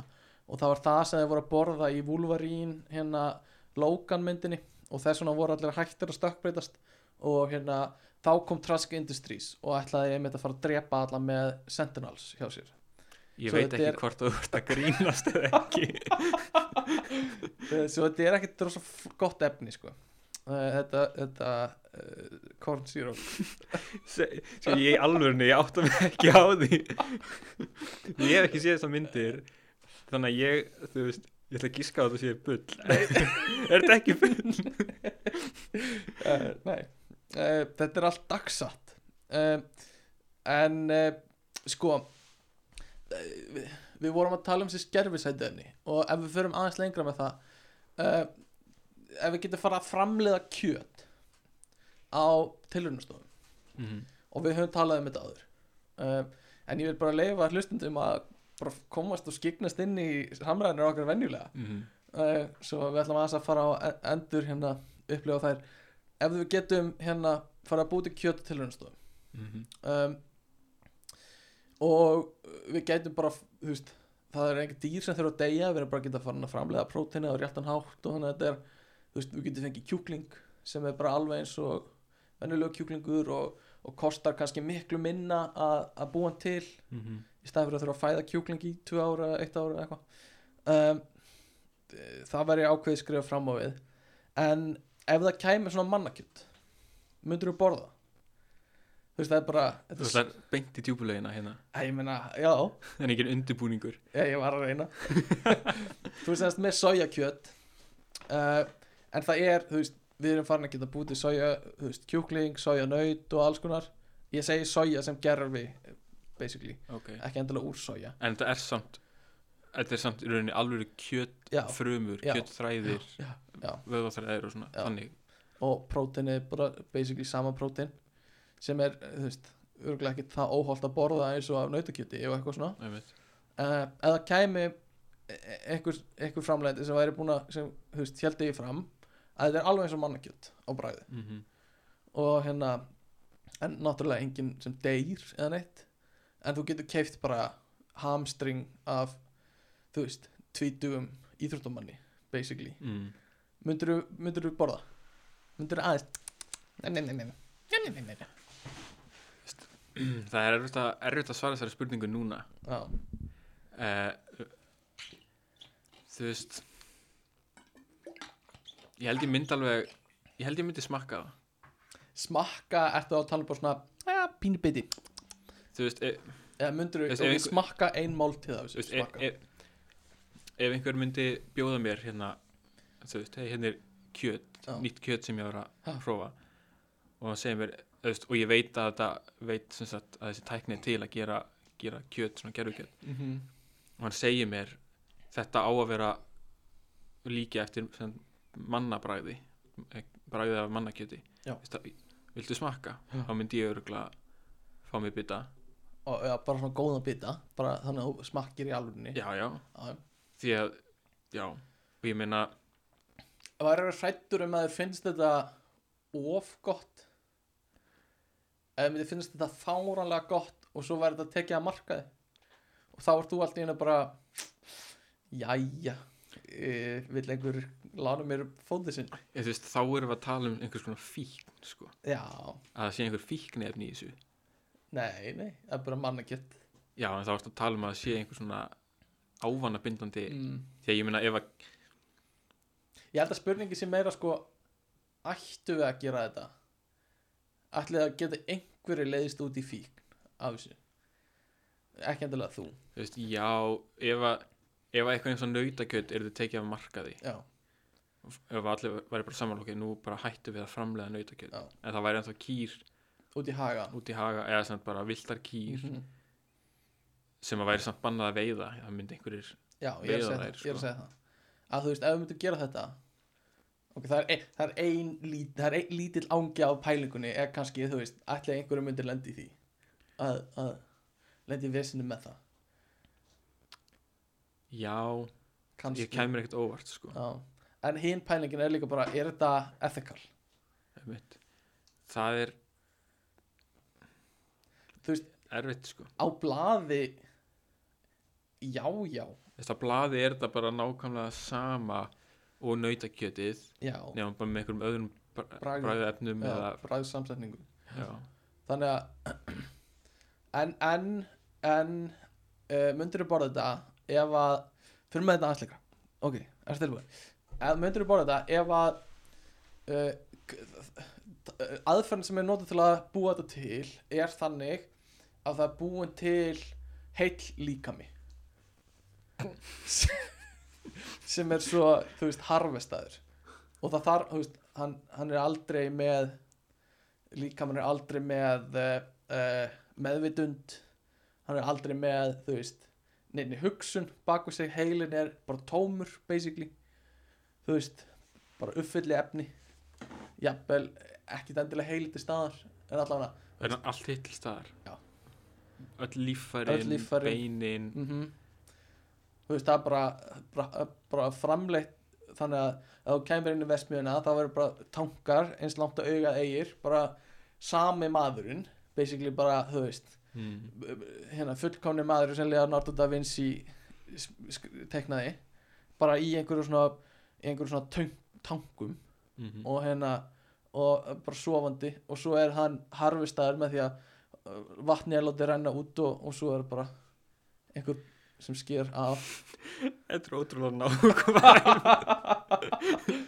mér dreymdi draum næri þessi bílskur eitthvað lengra uh, nei, ég held ég myndi ekki gera það, myndi það, myndi það sh, offa þetta fyrir ég held það, já En- Þú veist, en- það er erfitt að segja eitthvað svona hvar þessi mörk Já. eru uh, en þú veist það er svolítið langt á milli þess að bara framlega eitthvað svona kjötstykki en þetta er samt samt svona mjög svipað eða þú veist það, það er engin lífver á baku þetta beint nei, þú veist, það er ekki sjans að þú getur lífgað þessa hennar mann í tankinu við skilur við, hann hefur aldrei verið lifandi en a- af hverju er það ekki sjans Eftir, hversu, hversu líkur mannesku er hann að því við bara, bara alveg eins basically, en, en þess að þú myndir bæta við heilanum á, gætur mæ, kickstarta hann það, þú veist við erum ekki búið til líf skilur við það nei, en þú veist, þú gæ, gætur gert það um, Nei, nei eða, þú veist, Í þessum heimi væri það ekki hægt Sko, hérna í, Hjá gæðinu sem ég er með í bílskurnum já, get, get ég það mm. En við erum að búa til ímyndaðin heim þar sem ég það sem get er ekki Já, hægt það er þannig, ekki. já, ok uh, getið kannski fengið að smakka eftir það Já, já, já, skulum kvarta þetta út Já. uh, Ég þarf bara að muna eftir því. Sko, við þurfum að, þú veist bara ímynda okkur það, að það þetta er ekki manneski sem mun nokkur tíma geta verið á lífi Mhm. þetta er ekki klón af einhverjum þetta er bara svona einhver, einhver svona genasamsending af einhverjum mannesku Og er svo- það ekki klón er Nei, það, það er bara einhver svona blöndu af fullt af Mm. bara svona meðalmannesku eða eitthvað bla búið að engineera einhverja Já. super bara einhver super, bara einhver svona Usain Bolt mannesku nema í bragðgæðum já og meiri vöðvar væntalega einhver fita eða þú Já, veist, já, þú já. vilt ekki fá einhverja Já.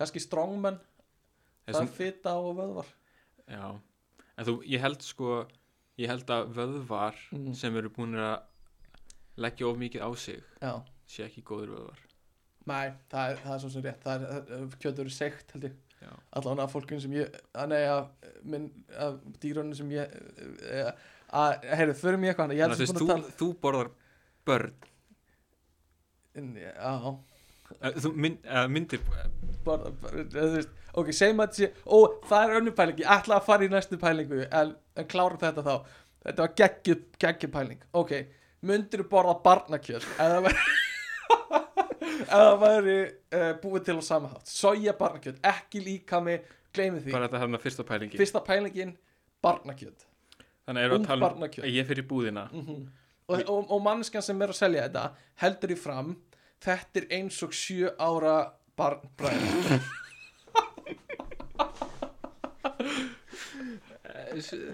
já, ég, svona svo fyrir krónuna á það er svona ungnauta hakk já, og svo er bara svona já, hérna, barnahag já, soja, e- aldrei verið, aldrei verið lifandi eina sem þú veist er að þetta er bara svona myndi að bragðast á áferðin þessu sama um, Þú þið finnst það öðruvísi já þú veist, ég þú veist, ég er ekkert endilega á því að þeir sem myndu velja þetta mm. séu einhver skrýmsli nei, en ég held að mér myndi finnast þetta mjög óþægilegt að velja, velja þetta ég skil það mm -hmm. algjörlega, það meika sens en út af þessari pælingu Já. ég las eins og smásögu mm. eftir, hérna, eftir Arthur C. Clarke Já. sem að skrifaði meðal annars hérna, 2001 A Space Odyssey Já.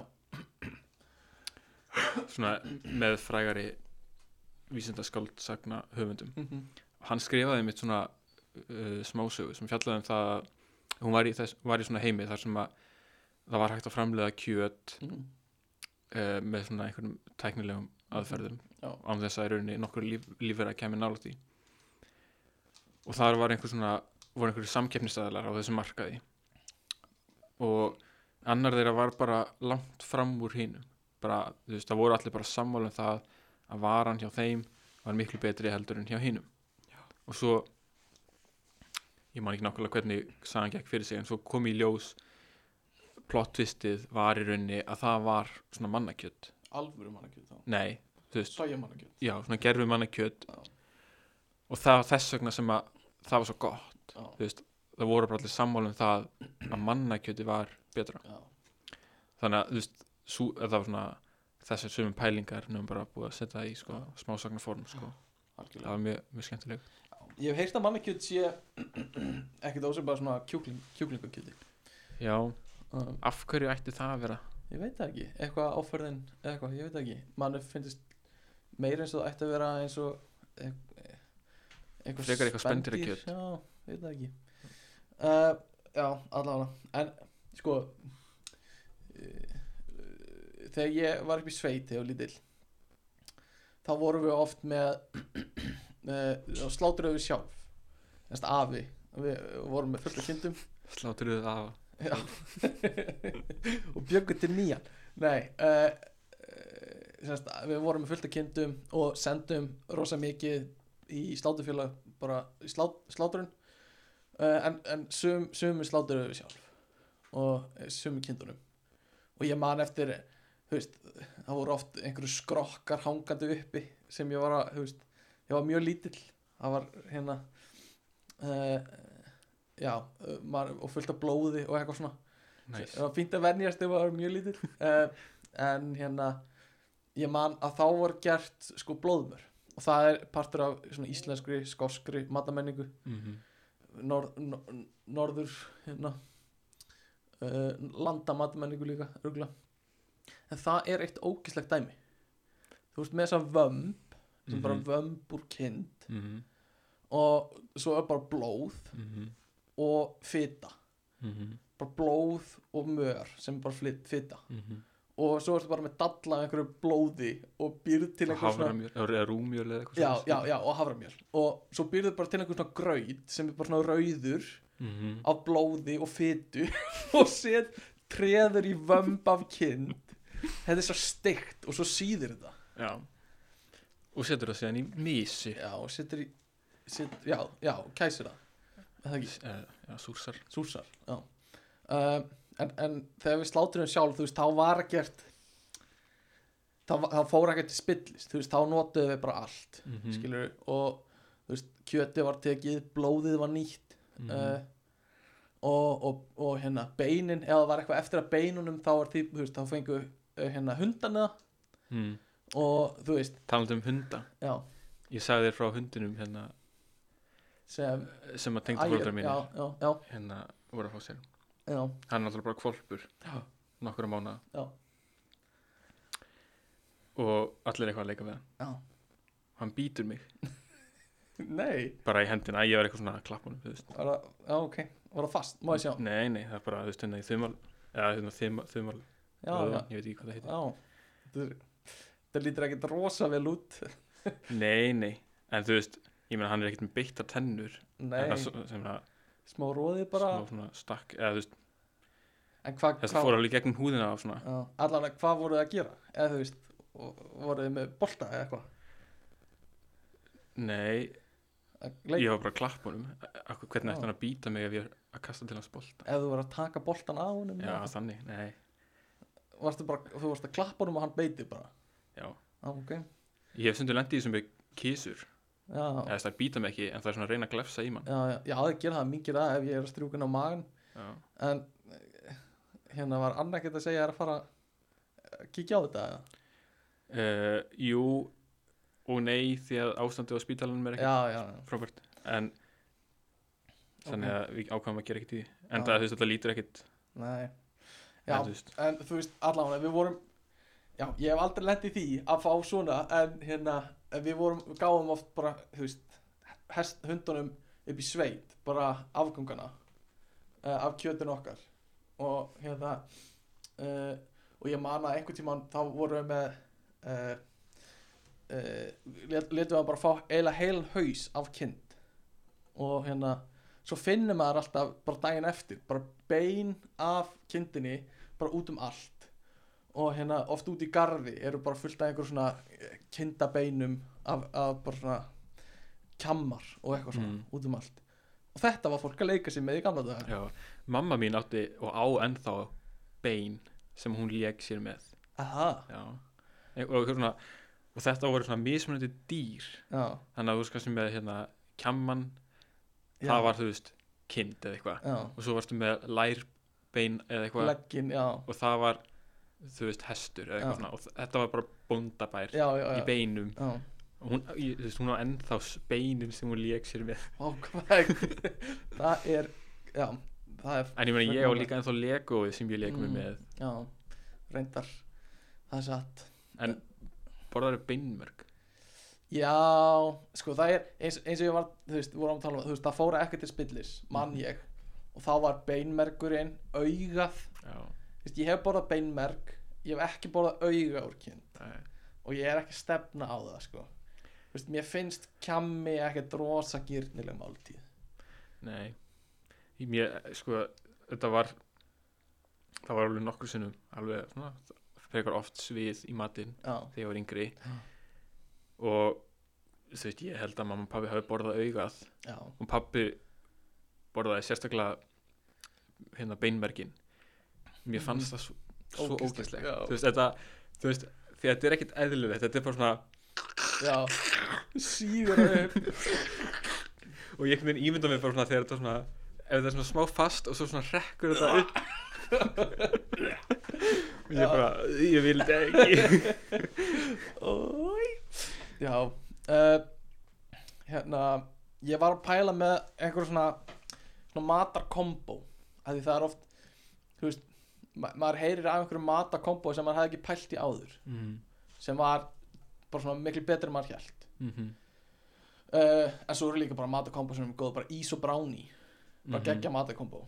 Já. Er hei- eh, heit súkla kaka og, og, og kaldur ís eða eitthvað Mhm. svona uh, uh, þú veist, franskar og ha hamburgari, veit ekki já, Er það skrítið matarkombó? kombó? Nei, nei, það er gott kombo, ég er að segja það já, já, en svo eru svona, þú veist, skrýtnari kombo sem að kannski, þú veist einhverju finnst gott að fá popp og súkkulaði eða eitthvað svona, mm -hmm. eitthvað svona milk duds er víst eitthvað sem fólk setur á poppi sitt í bandaríkunum fólk setur allt á poppið sitt í já, bandaríkjum reyndar, smjör, til ég, dæmis. bara, ég hef ekki gert það en ég hef heyrt bróður minn hefur talað um þegar hann fór í bíó í bandaríkjunum já, og það var bara viltu smjör, já, bara já smá og svo bara, bara ógeðslega löðrandi mikið, smjöri já, einmitt uh, Sölt, mjög söltu smjöri mjög sölt, já út í Hollandi getur þú valið sko sætt eða saltpopp já, það er sigur eða salt sko, actually mm sem mér finnst mjög skrítið að setja sigur en hérna ég, ég veit ekki var, hugsaði þú um eitthvað svona kombo eða sko mér er dætt í hug tvö kombo Ok. sem að ég veit að eru góð ok, en, en, en þau eru samt mjög svona, á þér, já fólk er ekki mjög sammála mér held ég, ok allan með annað Já. sko mér finnst mjólk Ah. mjög góð já, uh, og ég- já pop og mjólk mm, veit ekki með Þú það veist, ég, ég veit ekki um neitt annan nei sko, ég, ég er sammálað með mjölk í mörgu, en ég veit ekki með pop Nei, veit sko, ekki ég veit mörgu. ekki okkur mér finnst þetta gott Nei. Ég held, mér finnst mjólk mjög góður svaladrykk já. það er, eh, Þú veist, ekki Já. þannig að ég myndi fá mér hann eftir rektina nei, En stundum ef ég er mjög þyrstur Þá bara Köld stúta einu mjólkglasi Finnst mér mjög gott kald, kaldri mjölk Já, já, já, já En þú veist, og sa- poppið, Mm, salt og popp Maður verður svo þyrstur já. að mjólkin einhvern veginn Mm. bara töfra lif það- ég verð að fá með vatn í svona aðstæðum ég veit ekki ég, ég veit ekki hvort ég myndi fíla mjólkina sko. uh, það er uh, á mjólkur uh, á mjólkurferninni á mjólkurferninni er svona eitthvað mjólkin er góð með og svo Mhm. talað upp Mhm, þau eru tólf hlutir eða eitthvað mhm.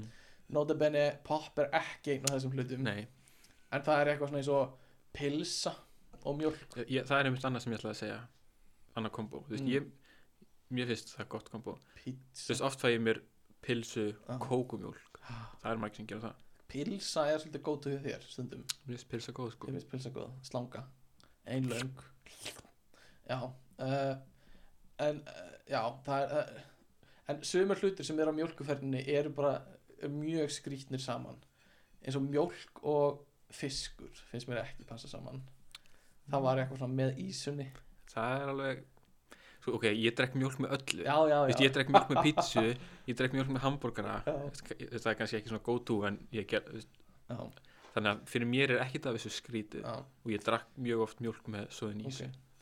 uh, En ég er með svona revolutionary combo fyrir þig mm, og mér langar, að, mér langar að fá svona þitt feedback á það ok, um, gulrætur þú mætti með gulrætu í skólan á hverjum degi í svona tíu ár mm, uh, uh, með Bernes er það eitthvað?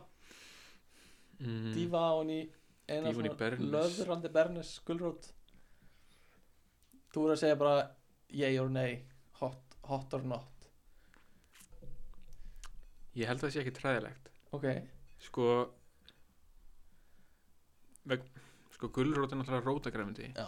eins og kartöblur Já. og það eru fullt af fólk sem bara fral, franska kartöblur með þú varst næstu búin að segja frallar frallur, ég ætlaði að segja fröllur Fröllur. en svo ákvæði að segja franskar kartöblur frallar kartablur margir sem borða franskar með bernis já, ok, franskar og gulrót er kannski ekki alveg sami hluturum en þú veist það er mörgum sem finnst þetta kombo með sko, gulrót og vogaítífu mjög gott. Mhm. skrítið e eða þú veist það er mjög gott og bara fært græmiti með vogaíti Já. er mjög gott Í- einhvern tímann buðum við gestum heima upp á þetta Já. ég held þeir hafi ekkit sm- hafði aldrei smakkað þetta áður Já. og voru mjög evins Já. en svo fannst það mjög gott þetta er ótrúlega gott kombo Já.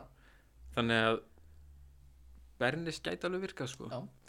uh, uh, kjötbólur Eh, með súkuleðkuku gott eða ekki gott or not eins og við segjum kjötbólur með súkulaköku Já. Ertu að segja að kjötbólurna sé einhvern veginn inn í kökunni eða er Eh, það bara eitthvað svona meðlæti með Eh, kökunni? í- sko ég immynda mér uh, þú ert að elda uh, setur sem sagt býr til kökudeig uh, setur í form og svo setur þú svona hráar hakkbollur með von í sem sagt, deigið og svo inn í ofn, Það eldast allt saman eldast allt saman Nei, ég held að það sé ekki gott með kremi samt, Já, það skiptir ekki máli en líka liturinn ætti að passa svipa saman Já, já, já en bara bræðið passar ekki saman ok, nei uh, Líka vegna þess að kjöt þess að kjötbræð mm, og svo svona sættbræð mm,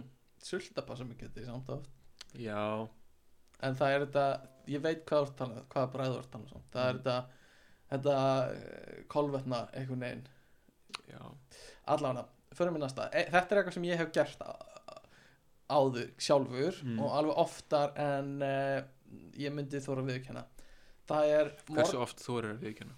ég þóra viðkjanna einu sinni uh, það er semst morgunkorn með appelsínu safa en ekki mjólk Út á, í stæðan fyrir mjólkina Já. Þú veist, ég hef alveg velt þessu fyrir mér hvað Já. maður getur sett annað en bara mjólk Já. en appelsínu safi við getum orðað þannig að það hefur oft ekki verið til mjólk á heimilinu hjá mér Já, En það er svolítið langt síðan Það var ekki til mjólk á heimilinu já, nei Nei, ég, ég held ekki, sko ekki Ég held, Appelsínu Ekki svona ef ég reyna að ímynda mér bragð, bragð. Það fyrir örglega eftir því hvaða morgunkot þú velur Já, ég er að hugsa bara Corflex Appelsínu gula Mennilega Það passa mér vel saman litinir Já, litinir uh, Sumir segja vilja sko meina morgunkona vatn sé betra en mjólk Já, ég meina auðvitað ættum að vera búin að prófa þetta Já, Þetta er svo, þú veist, já, maður, hversu oft hefur maður fengið sér morgunkot já. og mjólk Já. og þú veist, af hverju er maður ekki búin að prófa eitthvað annað já það er góð pæling Við höfum nú prófað ymmislegt Mástu þau bjögum til gúrkugósið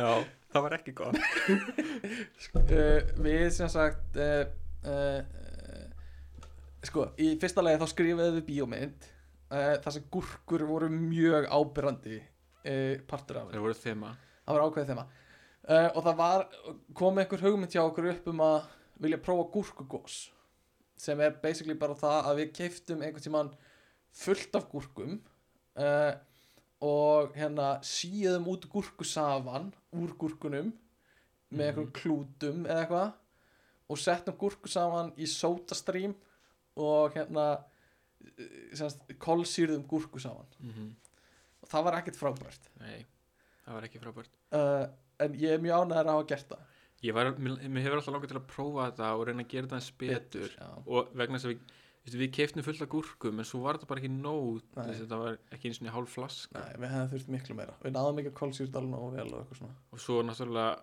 ég meina ef maður hefði bætt við smá sigri já, já, eða einhverju svoleiðis mm um, allána, uh, annað kombo fiskur og sulta ég og nei Hvernig fiskur? uh, svoðin ísa Um, og uh, sulta, rauðspyrjarhlaup nei, jarðabæri sulta þú veist, já, já ég, þetta er allavega þannig að ég ég er ekki tilbúin að segja bara nei, þetta er ekki gott já, því að ég meina eins og þú segir sulta virkar oft með einhverju kjöti þannig Já. að, mm og ég meina mjög oft mjög oft er til dæmis lax Já. með einhver svona mango chutney og dóti Já. sem er nokkurn veginn sulta Eh, Já. þannig að, það er satt þannig já, að ég meina sætt og einhver fiskur kannski ekki endilega ísa nei, en einhver svona næs oppakaður lax Já. ég Ok. get alveg ímyndað mér það fíla það uh, höldum, eh, reynum að fá smá tempo hérna uh, ís með brúni sósu Eh, svona, mm, nei, ekki, nei. það lúkar eins og súkulega sósa Já, það, þú, þú pælir bara í hvernig hlutinir lúka nei, Erum við ekki að tala um bragð hérna? já, já, já, ok ok, þannig að nei, nei á þetta Já, sko Brún Sosa, einhver hluta vegna var hún alltaf kallið Batman Sosa heima hjá mér. Ég veit ekki takk fyrir, kannski bara vegna þess að hún var dökk. What? uh, mm, uh, ok, veit ekki alveg Nei, Ok, Batman sósa Áhugavert uh, uh, Áfram uh, bjó, Þú með bjór uh, Og setur tepoka Bjór með tepoka uh, heitan bjór mm, mm, Sko, að það hýtar eitthvað alkohol Þú náttúrulega gufar það upp Já, Þannig að, nei Sennilega ekki mjög heitur Ekki kaldur kannski En svona, pissvolgur bjór já, kannski aðeins meira en pissvolgur Aðeins heitari um, Fyrir eftir örgulegt eftir tenu Þú veist, Ég held að gæti alveg virkað í einhverjum tilvikum Ok, Ég er ekki mikill temaður, ég er engin temaður næ Ég er að hugsa að bara túborg lager með sítrónu ö, te eða tei eins og ég segi Tei Nei, ef, ég veit það ekki Ég meina þ- eh, Sumir bjórar eru borðnir fram með sítrónu Já. sem þú hendir hún í Já. Mhm. þannig að, eða læmi með einhverju þannig að Já, við fer bara eftir samsetningunni held ég ok uh, Rúbröð með sojasósu Nei, Þetta er mjög einfalt nei og það afgjörandi er bara Ég hefði viljað hérna bjóða þér upp á þetta sko, og leifa þér að smakka já, einhvern tíma gerum við það kannski af því að þetta var ekki það flókið að búa til sko. En sko, ég ímda mér ef þú væri bara með rúbröð og bara sojasósu, Já. þá var það ekki gott Nei. en segðu myndum blanda sojasósu saman við smjör Já. ósalta smjör, Já, það getur verið kannski Getur gæti verið það eitthvað. verið eitthvað sko Já, já, já, getur verið gott kombo uh, Sko, uh, ég hérna tók saman svona minn drauma ef ég væri með matseðil sem kokkur mm. og svona drauma þú veist uh, forrétt, aðrétt, eftirrétt blönduna mína Mm sem ég langaði að lesa fyrir þig og ég vil fá svona feedback í þetta á það þannig að þú ert að, þú ímyndið að þú kemur inn á þú veist, La Grande Stéphane í París, veitingastæðin uh, og, og það kemur maður sem tekur á móti þér og önnu uh, hann er með svona franska mottu og, og hérna og í vesti, hvítur skyrtu og segir uh, welcome uh, do you want to see the do you want to show you the menu og uh, þú segir bara hvað sem er hvað myndir þú segja Sí, senjór Oh, well, senor, uh, yeah, I'm not a Francais, I'm not Italian, I'm a Francais. mm.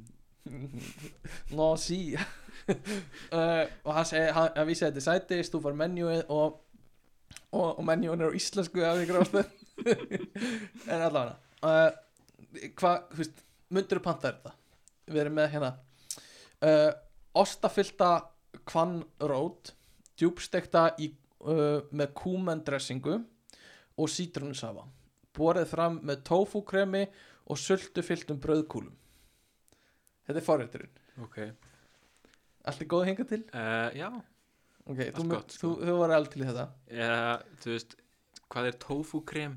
ja, uh, Tofu eh, sem er bara svona eh, bara laust tofu sem er bara svona, svona Ah, út á diskin ok, um, og aðarjætturinn er sveitt pizza með piparosti og ananas löðrandi í bernesósu kartöfluflugur uh, til hliðar með tómatsósu til að dýfi um, sko sveitt pizza er allt í lagi Já. að setja bernisós á pizzu Já. er örgla allt í lagi en að segja hún sér löðrandi í bernisósu sko löðrandi í þú veist bernesósu ég fíla yfirleitt ekki almennt að hluti sér löðrandi í sósu Nei, þú veist sósa er góð en eins og Íslendingar borða sósu Já. er bara út í hött Já. þannig að ok, allt er sko ég og vin Já. ég og vin er, ég og einn vin Eh, ég og tvo vinni ok, þú ert einn vinnur Já. ég og einn annan vin ok, það er ekki ég sem sagt Nei. Ok. Mér hef, hefur alltaf blöskrað hvernig hann borðar hambúrgara. Já, Uh, og oft ef ég var, hérna, við vorum alltaf keppnisferðalagi Já. frálsum Já. og við stoppuðum ofta að neinu með eitthvað svona Já. fengum okkur hambúrgar á leiðinni heim Já. og í staðin fyrir að fá sér sko hambúrgar með frönskum mm. þá fekk sér tvo hambúrgara ok, ég get skil það og koktelsósu með Já. já, það er alltaf leið Já. ég maður svo dýfðan hvern bita Ó, af hambúrgaranum mm. sem að var nú þegar með, með hambúrgarasósu já, ofan í Kokteil. koktelin já. þessi maður veit bara hvað hann vill sko. já, já, hann veit alveg hvað hann vil uh, og bara fínt sko bara, bara ég er ánægð með hann að fara ekki þessi hefðbundu leið að fá, fá sér franskar sko.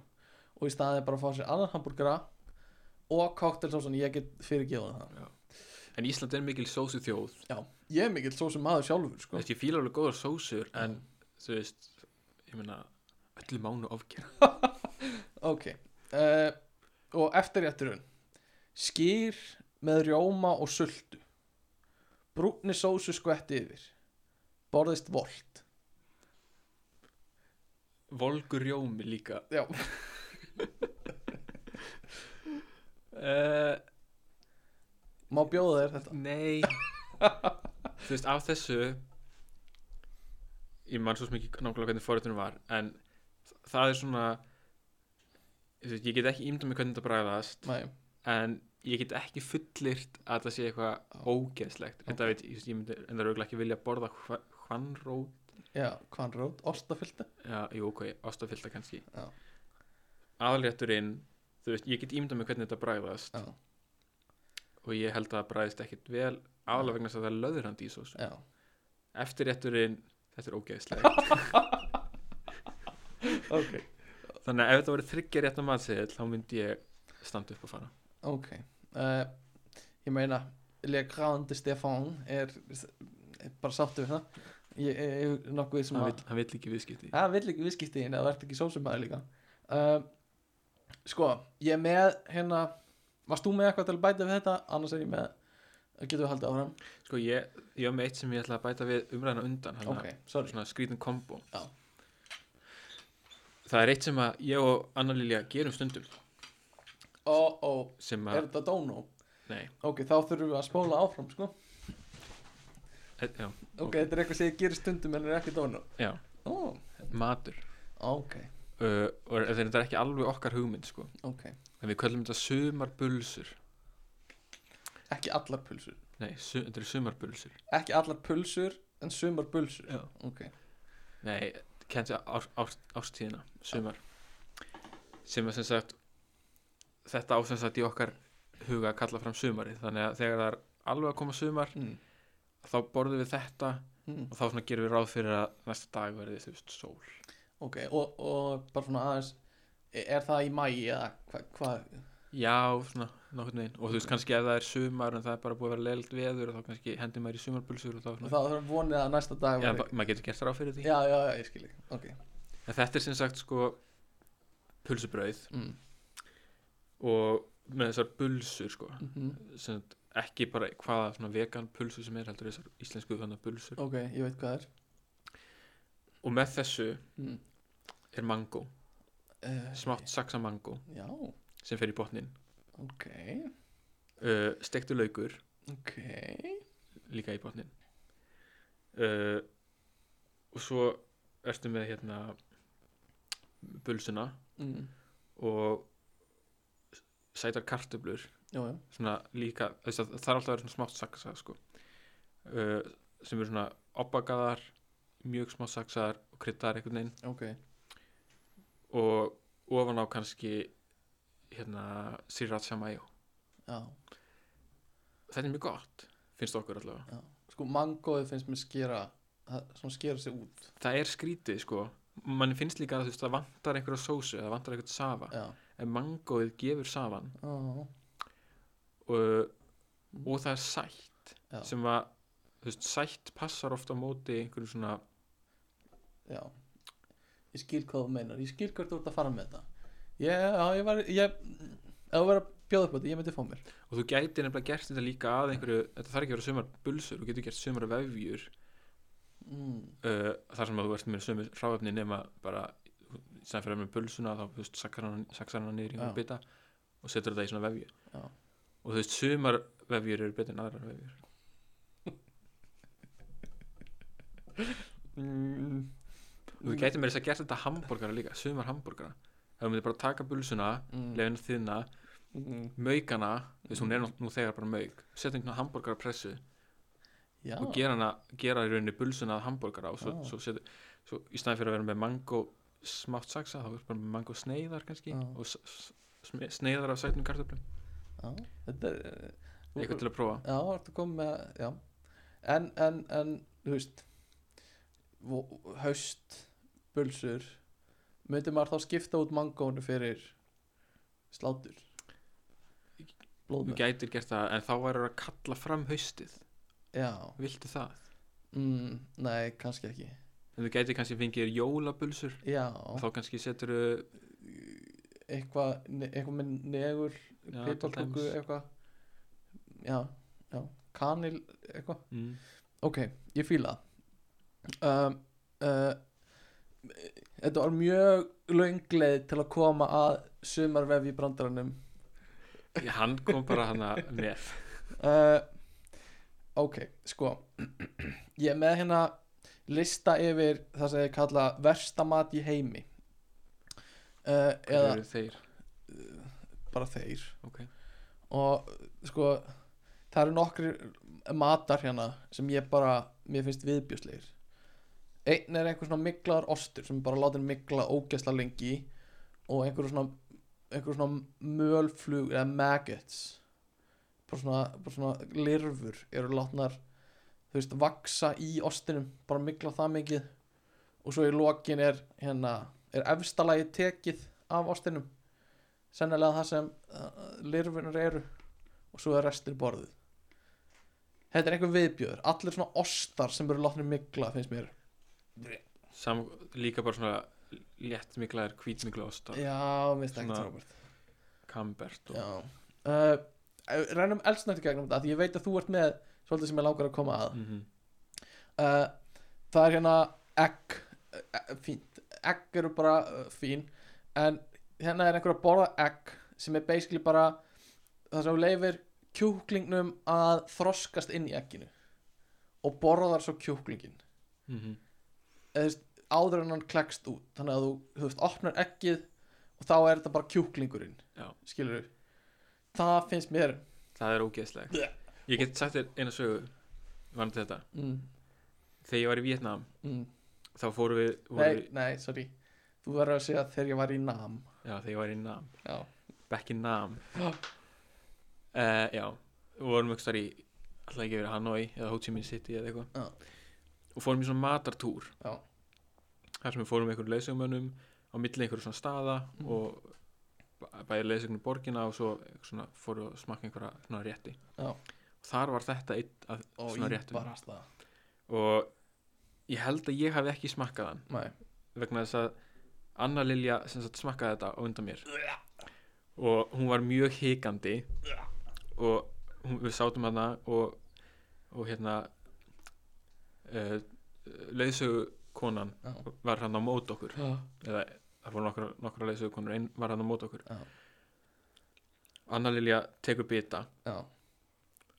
og fyrsta sem hún gerir er bara að skirpa hann út úr sér beint á leysögu mannin sem, sem, var svona, sem betur fyrir tók því bara ágætlega örgla ímsu vanur Já. en Ó, eftir þetta ég langaði mig barast ekki það. smaka og það leit hræðilega út Já, já, maður já. sér bara andlitið á, Já. á, á fuglinum og æðar sko. allar æðar, ykkur svona sk- skrýtnum vökva Já. bara, uh, þetta er ekki gerinlegt uh, Númer þrjú á þessum lista er Kæstur Hákall frá Íslandi mm, Fólki finnst það greinilega viðbjöður mér, mér finnst það viðbjöður Já. Uh, Eh. ég, þegar ég fór á þorrablót í Hofstaðaskóla það var þetta ekki hákarl en ég smakkaði hrútspung Já, hann fór beint á diskin aftur já Sumir fíla þetta uh, uh, Ég veit, og, en þú veist, það er ekki það sama sviðasölda til dæmis Sumir fíla það Já. Það er ekki samt þetta ógísla Það er bara sviðasölda Það er samt súrsa, mér, ég held að mér Já. færi aðalega í mig Sú- að það sé súra. súrsa sko. Í gu- Gummi, mönns, kaupir oft mönns sem er bara sviðasölda, veit ég, gumdur orri. Já. Um, svo er hérna eitthvað sem ég kalla uh, egg hérna hreinu sveina, uh, virgin boy eggs. Eh, Uh, viltu, ég veit ekki hvort þú vilt giska hvað það er. Um, ég hef ekki neitt sko Þetta eru bara venjuleg egg sem eru soðin upp úr hlandi hreina sveina í Kína og strákarnir þurfa helst að vera 10 ára í kringu 10 ára aldrei Þú veist, af hverju það er fyrsta spurning sem að Já. allir ætti að spyrja sig Ég verð ver samt að taka fram í svona podcasti Mér finnst leiðilegt þegar fólk te- kemur með eitthvað svona staðreindir án þess að vita eitthvað um menningarheiminn bara nákvæmlega það sem ég er að gera núna mm -hmm. þannig ég vil bara setja svona smá bara svona hérna, mm, þú veist ég vil segja að ég veit af því að þetta er bara einhver asnalegu listi skilur sem er ekkert endilega sannur eða eitthvað og það er asnalegt þegar fólk tekur bara saman eitthvað en það er kannski ekki markmið markmið að, að Nei. fara út í eitthvað kínverst lór Nei, nei, einmitt uh, Svo er, þú veist, villisvína hérna endaþarmur uh, uh, hjarta úr kóbrasnák uh, er það eitthvað verra heldur en hjarta úr kinn Nei, sennilega ekki uh, Þú veist, augasteinar úr túnfiski sem er samt bara augastein skilur við úr Veist, mér er svo sem sama hver dýrið er Já uh, Eh, Það er til orma svona saltkringlur það sem eru svona saltkringlur nema bara úr ormum Í. stökkar, býst ég við uh, rot, sko, rótin egg er eitthvað sem er borðað í Kína Mhm. og, og á mörgum stöðum það er eitthvað sem ég finnst viðbjóður bara egg sem eru látni rótna já, ég meina þú veist, hvað er ekki borðað einhver Já. staðar í heiminum einmitt.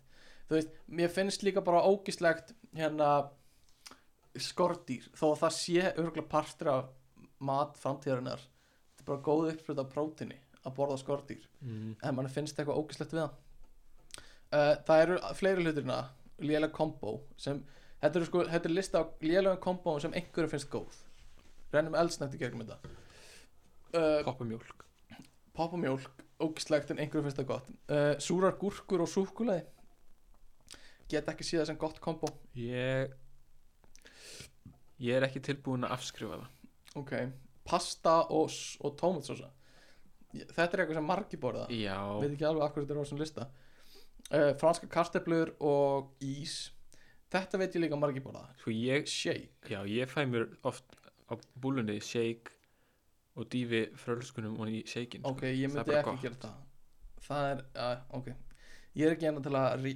rífast við þig uh, avocado latte það er sérst avocado sem er búið að hóla út að miklu leiti og það er búið að setja latte onni það bara kaffidrykkin búið að hóla það í- bara, þú bara, svona- er, er, er avokado eða bollin já, basically ok, uh, hot dogs semast, pulsur og sigurpúðar er eitthvað sem fólki finnst næst líka veit ekki, tengi ekki alveg við það uh, já sko uh, pæling að fara í draslið þitt það er allir mitt uh, sem er mjög áhugavert þetta er sponsor þáttarins Helga Sigurðardóttir gaf út bók hún krafðist þess að við myndum fjallum þetta Já, uh, Helga Sigurðardóttir gaf sannast út bók sem heitir Matur og drykkur og er basically bara hérna eh, kennsluskráin í, þú veist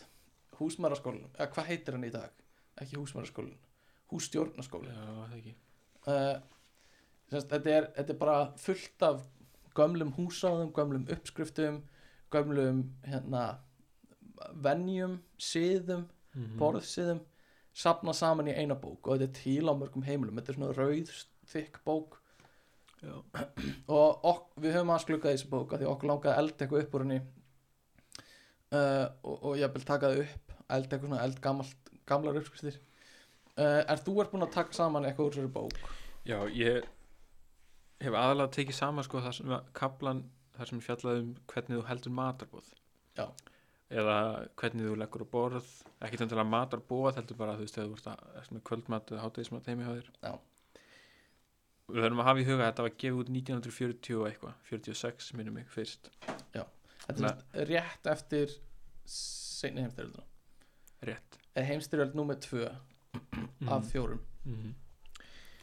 og það eru svo margir áhugaverðir punktar þarna Já. uh, mér langar bara svona að lesa nokkra línur Já. sem að, sem að koma þarna fram sko. og þarna er verið að tala um til að byrja með sko bara svona borðsýðir, bara Já. hvernig þú átt að haga þér Já. á meðan þú ert að borða Já. og þarna er meðal, meðal annars sagt sko takið ekki of mikið í einu af fatinu og ekki engungu það sem ykkur þykir gott eða bestu bitana ok, sem er bara svona raugrétt já, já, jafnvel þó að yður falli ekki sá réttur sem fram er borin eða þér þekkið hann ekki þá takið af honum að borðið það er ekki háttvísi að segja að yður langi ekki í þetta ok þetta er bara, hún er bara að segja að, að þú átt að borða þetta bara sem virðing bara sem, já, bara sem Þú- virðingar vottur emi, að láta þér þetta til munns sem er svo sem allir leið ok, ég get alveg skilja það þetta er svona eins og í Indiana Jones Tem- Temple of Doom þeir eru að borða abaheilan og konan vill ekki borða abaheilan og Indiana Jones er bara eitthvað þú verður að borða þetta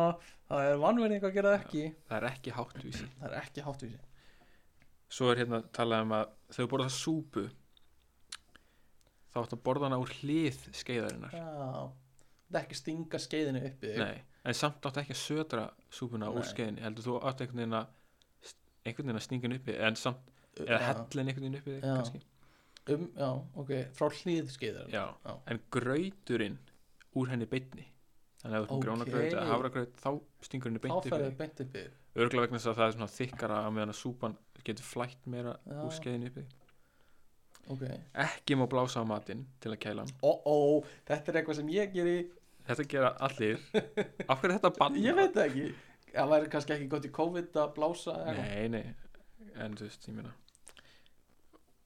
hérna já, bein og annað skulu þér taka út úr yður með gaflinum what?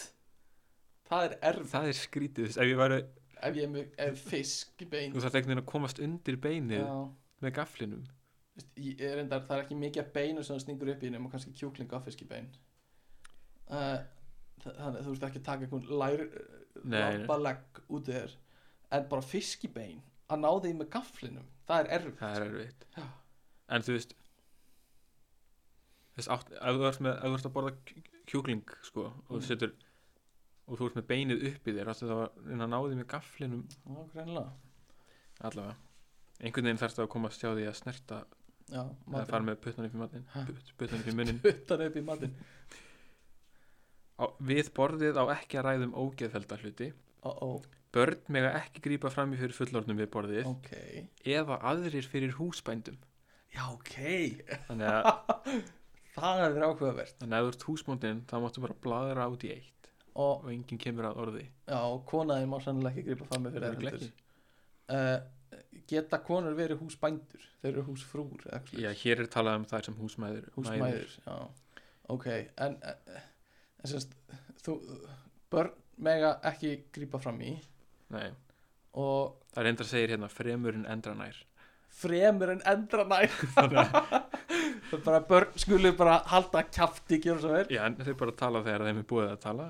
eða eitthvað. auðvitað, auðvitað ok, Allavega Sérhver verður að gefa því gætur að sessunaut hans skorti ekkert já Þetta er svolítið góð regla sko. Já. Sjá til þess að þeir sem sitja á liðina þeir séu með nóg sko. en eru þá ekki allir alltaf á að ég veit ekki að, pa- að þú veist, Já, ég meina, þú veist maður- Þetta er kannski ekki efst í huga allra en svona, e, þú veist, ég meina ef, ef við byrj, ef byrjar að mat, ba- maturinn byrjar já, og þú setur við hliðina á mér og ég segi Björgvin, leið mér að rétta þér hérna kartaflunar og þú segir, nei, býti, býti, ég þarf að rétta honum lærleikin og, og hans, nei, býti, ekki rétta mér þetta strax ég þarf að rétta þér sósuna Er, ert þú að meina í alveg byrjun já, þá verður eitthvað svona deadlock þannig að Ég- ég engin, það nefnilega- er allir að býða eftir að næsti rétti sko, ég reynda mann ekki að hafa lesið það, það er pottið einhver svona, einhver svona reglur um það hvernig á að byrja Já, það er reyndar húsbóndin fyrst eða eitthvað svona já, pottið eitthvað þannig sko Ok, svo segir hérna, fiskur er borðaður með tveim göflum, what? Það er eitthvað tengt beinunum örugla pottið að því þú þarft ekki að þú þarft ekki að, þú veist, skera fiskibein þannig Nei. legur svolítið í sundur já, hann bara svona ripnar Já. einhvern veginn, þannig að þú veist ja, kannski er þetta bara Fyndið. betra Ok, tveir gaflar Áhugavert svo er hérna að tala um kvöldborð Já. gleymið ekki síldinni Sko, Bíddu, bíddu, bíddu. Kvöldborð, er það er það stytting á að borða þú veist, hátegis borð ég ætla- sko, smá borð í mm, gangi Ég veit, veit það ekki alveg ég, ég veit það ekki, sko fyrst var að tala um miðdeisverð og svo var að tala um kvöldborð það er smá borð, aðeins pínuborð, Já, akkurat ok, kvöldborð Gleymið ekki síldinni nei, Hún á að vera daglega á borðinu. daglega Já, já síld daglega Silfur Hafsins Brauðið skal borið fram í stafla Já, Það, það er bara regla ok Þú veist, ef, ef það er ekki stafla, hvað er þetta að gera? fáfránlegt Uh, stapla já Munið að halda upp í skemmtilegum samræðum við borðið já, við erum nú ógislega góður í því Hvað myndir við halda að borða þetta vera breytt? uh, er, er, ert núna að tala um húsgagniborð en ekki Já. aðtöflina borð Já. Húsgagniborð, uh, ég, ég- veisluborð fyrir gjöðu þú veist breytt kannski 1,70 1,80 mannshæð Þú þarft að fara í hús stjórnunarskólan sko miklu starra kannski Borðið skal vera svo breytt sem mögulegt er 1 til 1,30 metrar ok, því að mjög erfitt er að ná hinnum rétta hátíðablæ á mjóborð á mjóborð Ef að borðið er mjótt já, já, já, það var erfitt að ná hátíðablænum já sko. reyndar 1,80 er helviti, helviti breytt Það er svolítið mikið uh, já, ok Og hérna, síðan, já, hérna er frekar verið að tala um sko að þau vorst að halda veistlu sko já, Gagvart gestunum er það kurteisi að hafa smá matseðla já. og ef þeir eru laglega gerðir í þeim litum sem fyrir eru á borðinu já. þá er einnig príðið að þeim það er helviti mikið príða því Paldi hvað það er mikil vinna já, að búa til einhverja matseðla fyrir alltaf ógislega mikið vinna og hvað er á þeim matseðla? Bara svona, hvað, hvað er matinn? ætli ætli þú veist, ok, óneitanlega tölvörð fleiri konur að standa í þessu í gamla daga Já. Eh, ætli þeim hafi hafi fundist þetta að bara kvöð eða þú veist margar sem hafi bara fíla þú veist, bara fundist þetta gaman og fíla þetta Öruglega bara, já, mjög samt og það voru margar sko já, Þess, það eru margir sem að fíla að halda veistlu já, og setja svolítið já effort í það. mikla vinnu í, í að halda veistlu já, en sumir eru glálega bara ég þóra þetta ekki, en ég þarf að gera það og vegna þess að ég er kona þá þarf ég að gera já, einmitt. það svo er hérna, hvað myndir halda svona kjör hitastíg í borðstofunni sé Ugh, ég er svo erfitt með þetta 26 26, það ég veit það uh, uh, 19 gæti þess að ekki sé heitar í borðstofunni en cirka 15 til 16 gráður What? sem er bara skýt það er frekar kall þú veist, ven, sko venjulegur hiti í húsi er svona 20 gráður Já. núna, ok 1946 þá kannski náður ekki alveg svo miklum hita Já. í húsinu kannski bara alls ekki undir þetta þú veist, ekki heitara Ekki en 15 heitara? til 16 ó, ó, ó what the f en þú veist, það hlýtur bara því það að þú veist, venjulegt hitast í borðstofu var miklu minna en það er núna Já. augljóslega. svo er hérna að vera að tala um sko þjónana Já. ef þú ert með halda þannig búið að þú ert með, með þjón já, eða einhvern sem gengur um beina já, sú sem gengur um beina já, já. sú, Sú. það er ekkit Nei, sá það er bara, sú verður umfram allt að vera hrein og snirtileg mm. Hún verður að hafa hreinar neglur, hreinar hendur og af henni má ekki vera minnsta svitalikt. svitalegt Föt hennar verða einnig að vera hrein. Við hátiðleg tækifæri skal hún vera klætt í svartan kjól með löngum ermum og hvítum upp, uppslögum, hafa litla hvíta svundu, hvítan kappa og létta skó. já, auðvitað vá, Hva, uh, hvað er svona r- regla sko hérna segir, svo sem gengur um beina má ekki segja Já. hvað myndir þau halda að kemja hérna þú veist orð nema yrt sé á hana eða eitthvað nei, gjöru þér svo vel eða hún má ekki hún segja má gjörðu ekki svo segja gjörðu svo vel vel. ok, sko það stendur hérna sú sem gengur um beina má ekki segja gjörðu þér svo vel þegar hún býður gestunum heldur á hún ef hún til dæmis býður meira af sama rétti aðeins að rétta fram fatið eða bakkan og átti gesturinn sig ekki á því þá á að segja meiri lags meiri te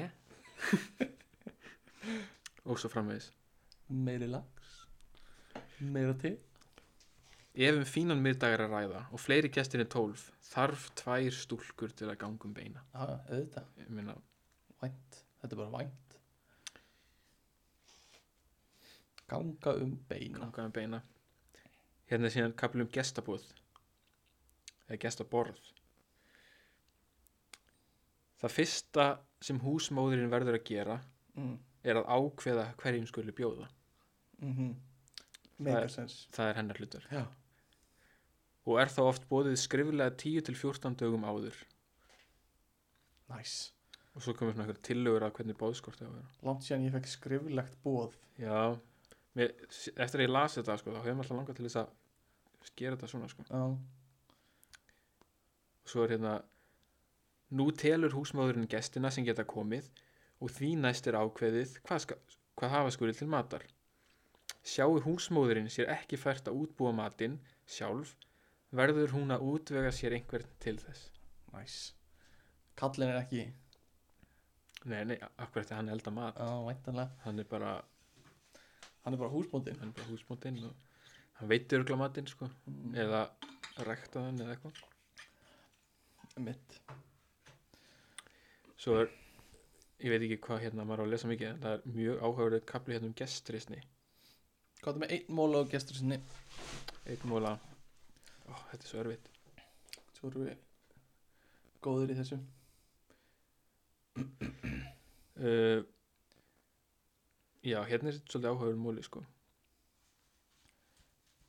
já, Uh, þá þess að það er tala um það, að þau eru að leggja áherslu á það að hafa herbergi og mat eða kaffiborð svo snirtilegt sem fengir á. Því sama gildir einnig um klæðnað barnana og, og húsbændana sjálfra. Þó má ekki gleyma þeirri gömlu reglu að gestgjafarnir mega ekki vera fínni en gestirnir. what ok uh, passa það passa það Já Og eitt yfirbútt Húsbændur mega ekki hætta að matast á undan gestunum Já, þetta, ég man eftir þessu, við töluðum um þetta Þetta er skrítið Þú þarft að halda áfram að borða Þangað til að síðastu gestur er Já. hættur Já Þeir ræ- rísa fyrstur úr sætum og ganga frá borði á sama hátt og áður til viðhafnarstofu Þar er kaffið síðan borðið fram Já, þetta, ég, þetta væri bara challenge Ég myndi bara hugsa þetta sem challenge Bara, ef ég er gestur einhver staðar Þá held ég bara áfram að borða Og læt þig borða meira Já.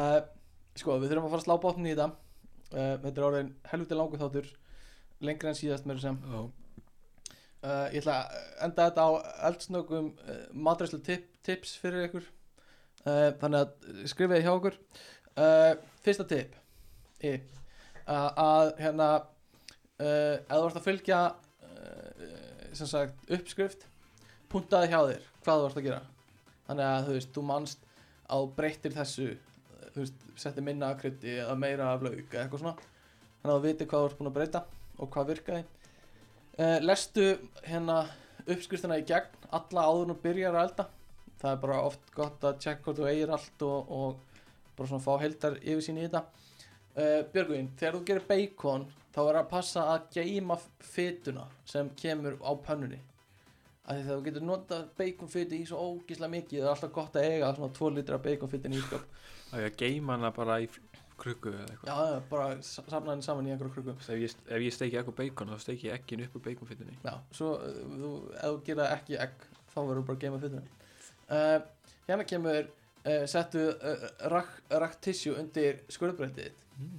Það er helviti gott tip sem við rættum á hann uh, uh, uh, uh, s- Taktu, sko, settu tæmerinn á hérna bökunar þegar þú ert að baka á bakstrinnuðinum alltaf aðeins stittra henn stendur í uppskriftinni og taktu það út af því hlutir halda oft áfram að bakast á pönnunni og það er miklu betra að hafa eitthvað aðeins of lítið baka heldur eh, en of bakað það eh, er uh, uh, uh, það er mitt ráð uh, Þetta er allt þín ráð þetta er allt mín ráð, þetta er bara minni reynslu hérna, uh, kryddaðu bara uh, jafnóðum og smakkaðu þess að kryddaðu og smakkaðu jafnóðum ekki ákveða bara að krydda í lokin og, og ekki, þú veist og hérna, og svo allt í henni gerur of mikið eitthvað, settu bara smá, smá og smakkaðu áfram uh, treystu líka bara sjálfu þér fyrir að vita hvað er gott og hvað er ekki gott hérna, þú kant meira en þú heldur uh, og uh, saltaðu við þurfum að, sko, ég er að hugsa um að láta ykkur á svona tónlist bakveg þetta þannig að það hljóma eins og við sem á dumdur hrað saltaðu allt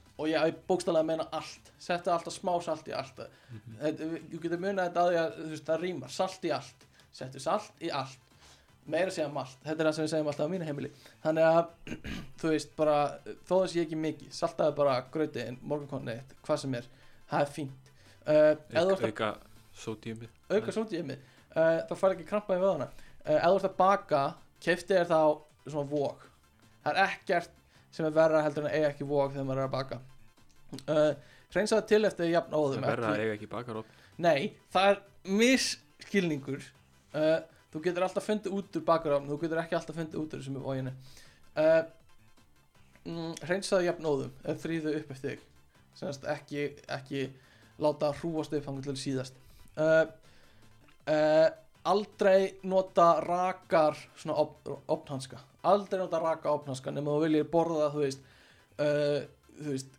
mannakjöt og svo er hérna steikt mannakjöt af því þú átt eftir að brenna þau puttana aldrei nota raka opnhanska uh, ekki nota hvítlöks kremjara heldur skerðan sjálfur af því annars ert að tapa hérna áferðinni og einhverja bræðinu uh, taktu, eins og við sagðum á taktu sérstaklega smákökur út úr ofninum aðeins og snemma eh, en ekki á seint af því það er halda áfram að bakast á pönnunni eða þú ert að skera mikið á skurðabrætti af mismundur hlutum, notaði þá hérna, tissue undir það, eh, svo þurfur ekki að þvó kannski upp jarðabær og svo ertu með kjúkling eða eitthvað sliðis, ég maður reynda með að þú alltaf eftir kjúkling en þú veist, að þú ert með mismunandi típu af mat þá getur lotið tissue ofan á og skorið ofan á tissjónu uh, og prentaðu út uppskriftina þína af því þú vilt ekki vera að snerta snjálfsímaðin þegar þú ert nýbúin að meðhandla kjúkling eða eitthvað hann á blaði uh, þetta eru uh, það sem við köllum 11 góð ráð frá uh, St- Stefáni uh, ráð meistara uh, ég vona að hafa hjálpað þetta var loka uh, loka hérna dagskrár liður þáttarins í dag Björgun, viltu enda á einhverjum sérstakum nótum? Eh, Það er eitt sem ég langar að segja Ok, Og ég held þessi alltaf gott að enda á neikvæðum nótum ok, gott, uh, ok, vond Þegar maður les uppskriftir á netinu Já. Það er ekkert sem ég hata meira Já. En einhver svona saga á undan mm, uppskriftin Já, Eitthvað svona, þetta er réttur sem ég geri oft fyrir krakkana mína og þeir elska það Þetta er ótrúlega gott þegar maður kemur heim úr vinnunni bla bla bla, þú Já. veist Láttum við bara á uppskriftina Mér er alveg sama um þitt líf Já. Ég er að reyna að einfalda Já. mitt líf já, hérna Inga, nei, Lind, Linda P eða hvað, takk þetta til þín Já. uh, hvað hva heita Þessa- Eva Laufey Eva Laufey. eða eitthvað. takk þetta til þín, Og líka bara allstar Já. Allir sem eru með uppskrift síður allir takkið þetta til ykkar bara heilt yfir, mér langar ekki að heyra á lífinu þínu Nei. kontið það bara efninu svo hittist þið bara einhvern tíma senna Já. uh, þetta er lokin á þættinum í dag uh, aftur lengst er þáttar sem við tekið upp uh, sjáum til hvort það endar allt inni eða ekki uh, spóns dagsins matradrykkur uh, bananar og uh, sjáumst næst bye Bless, bless.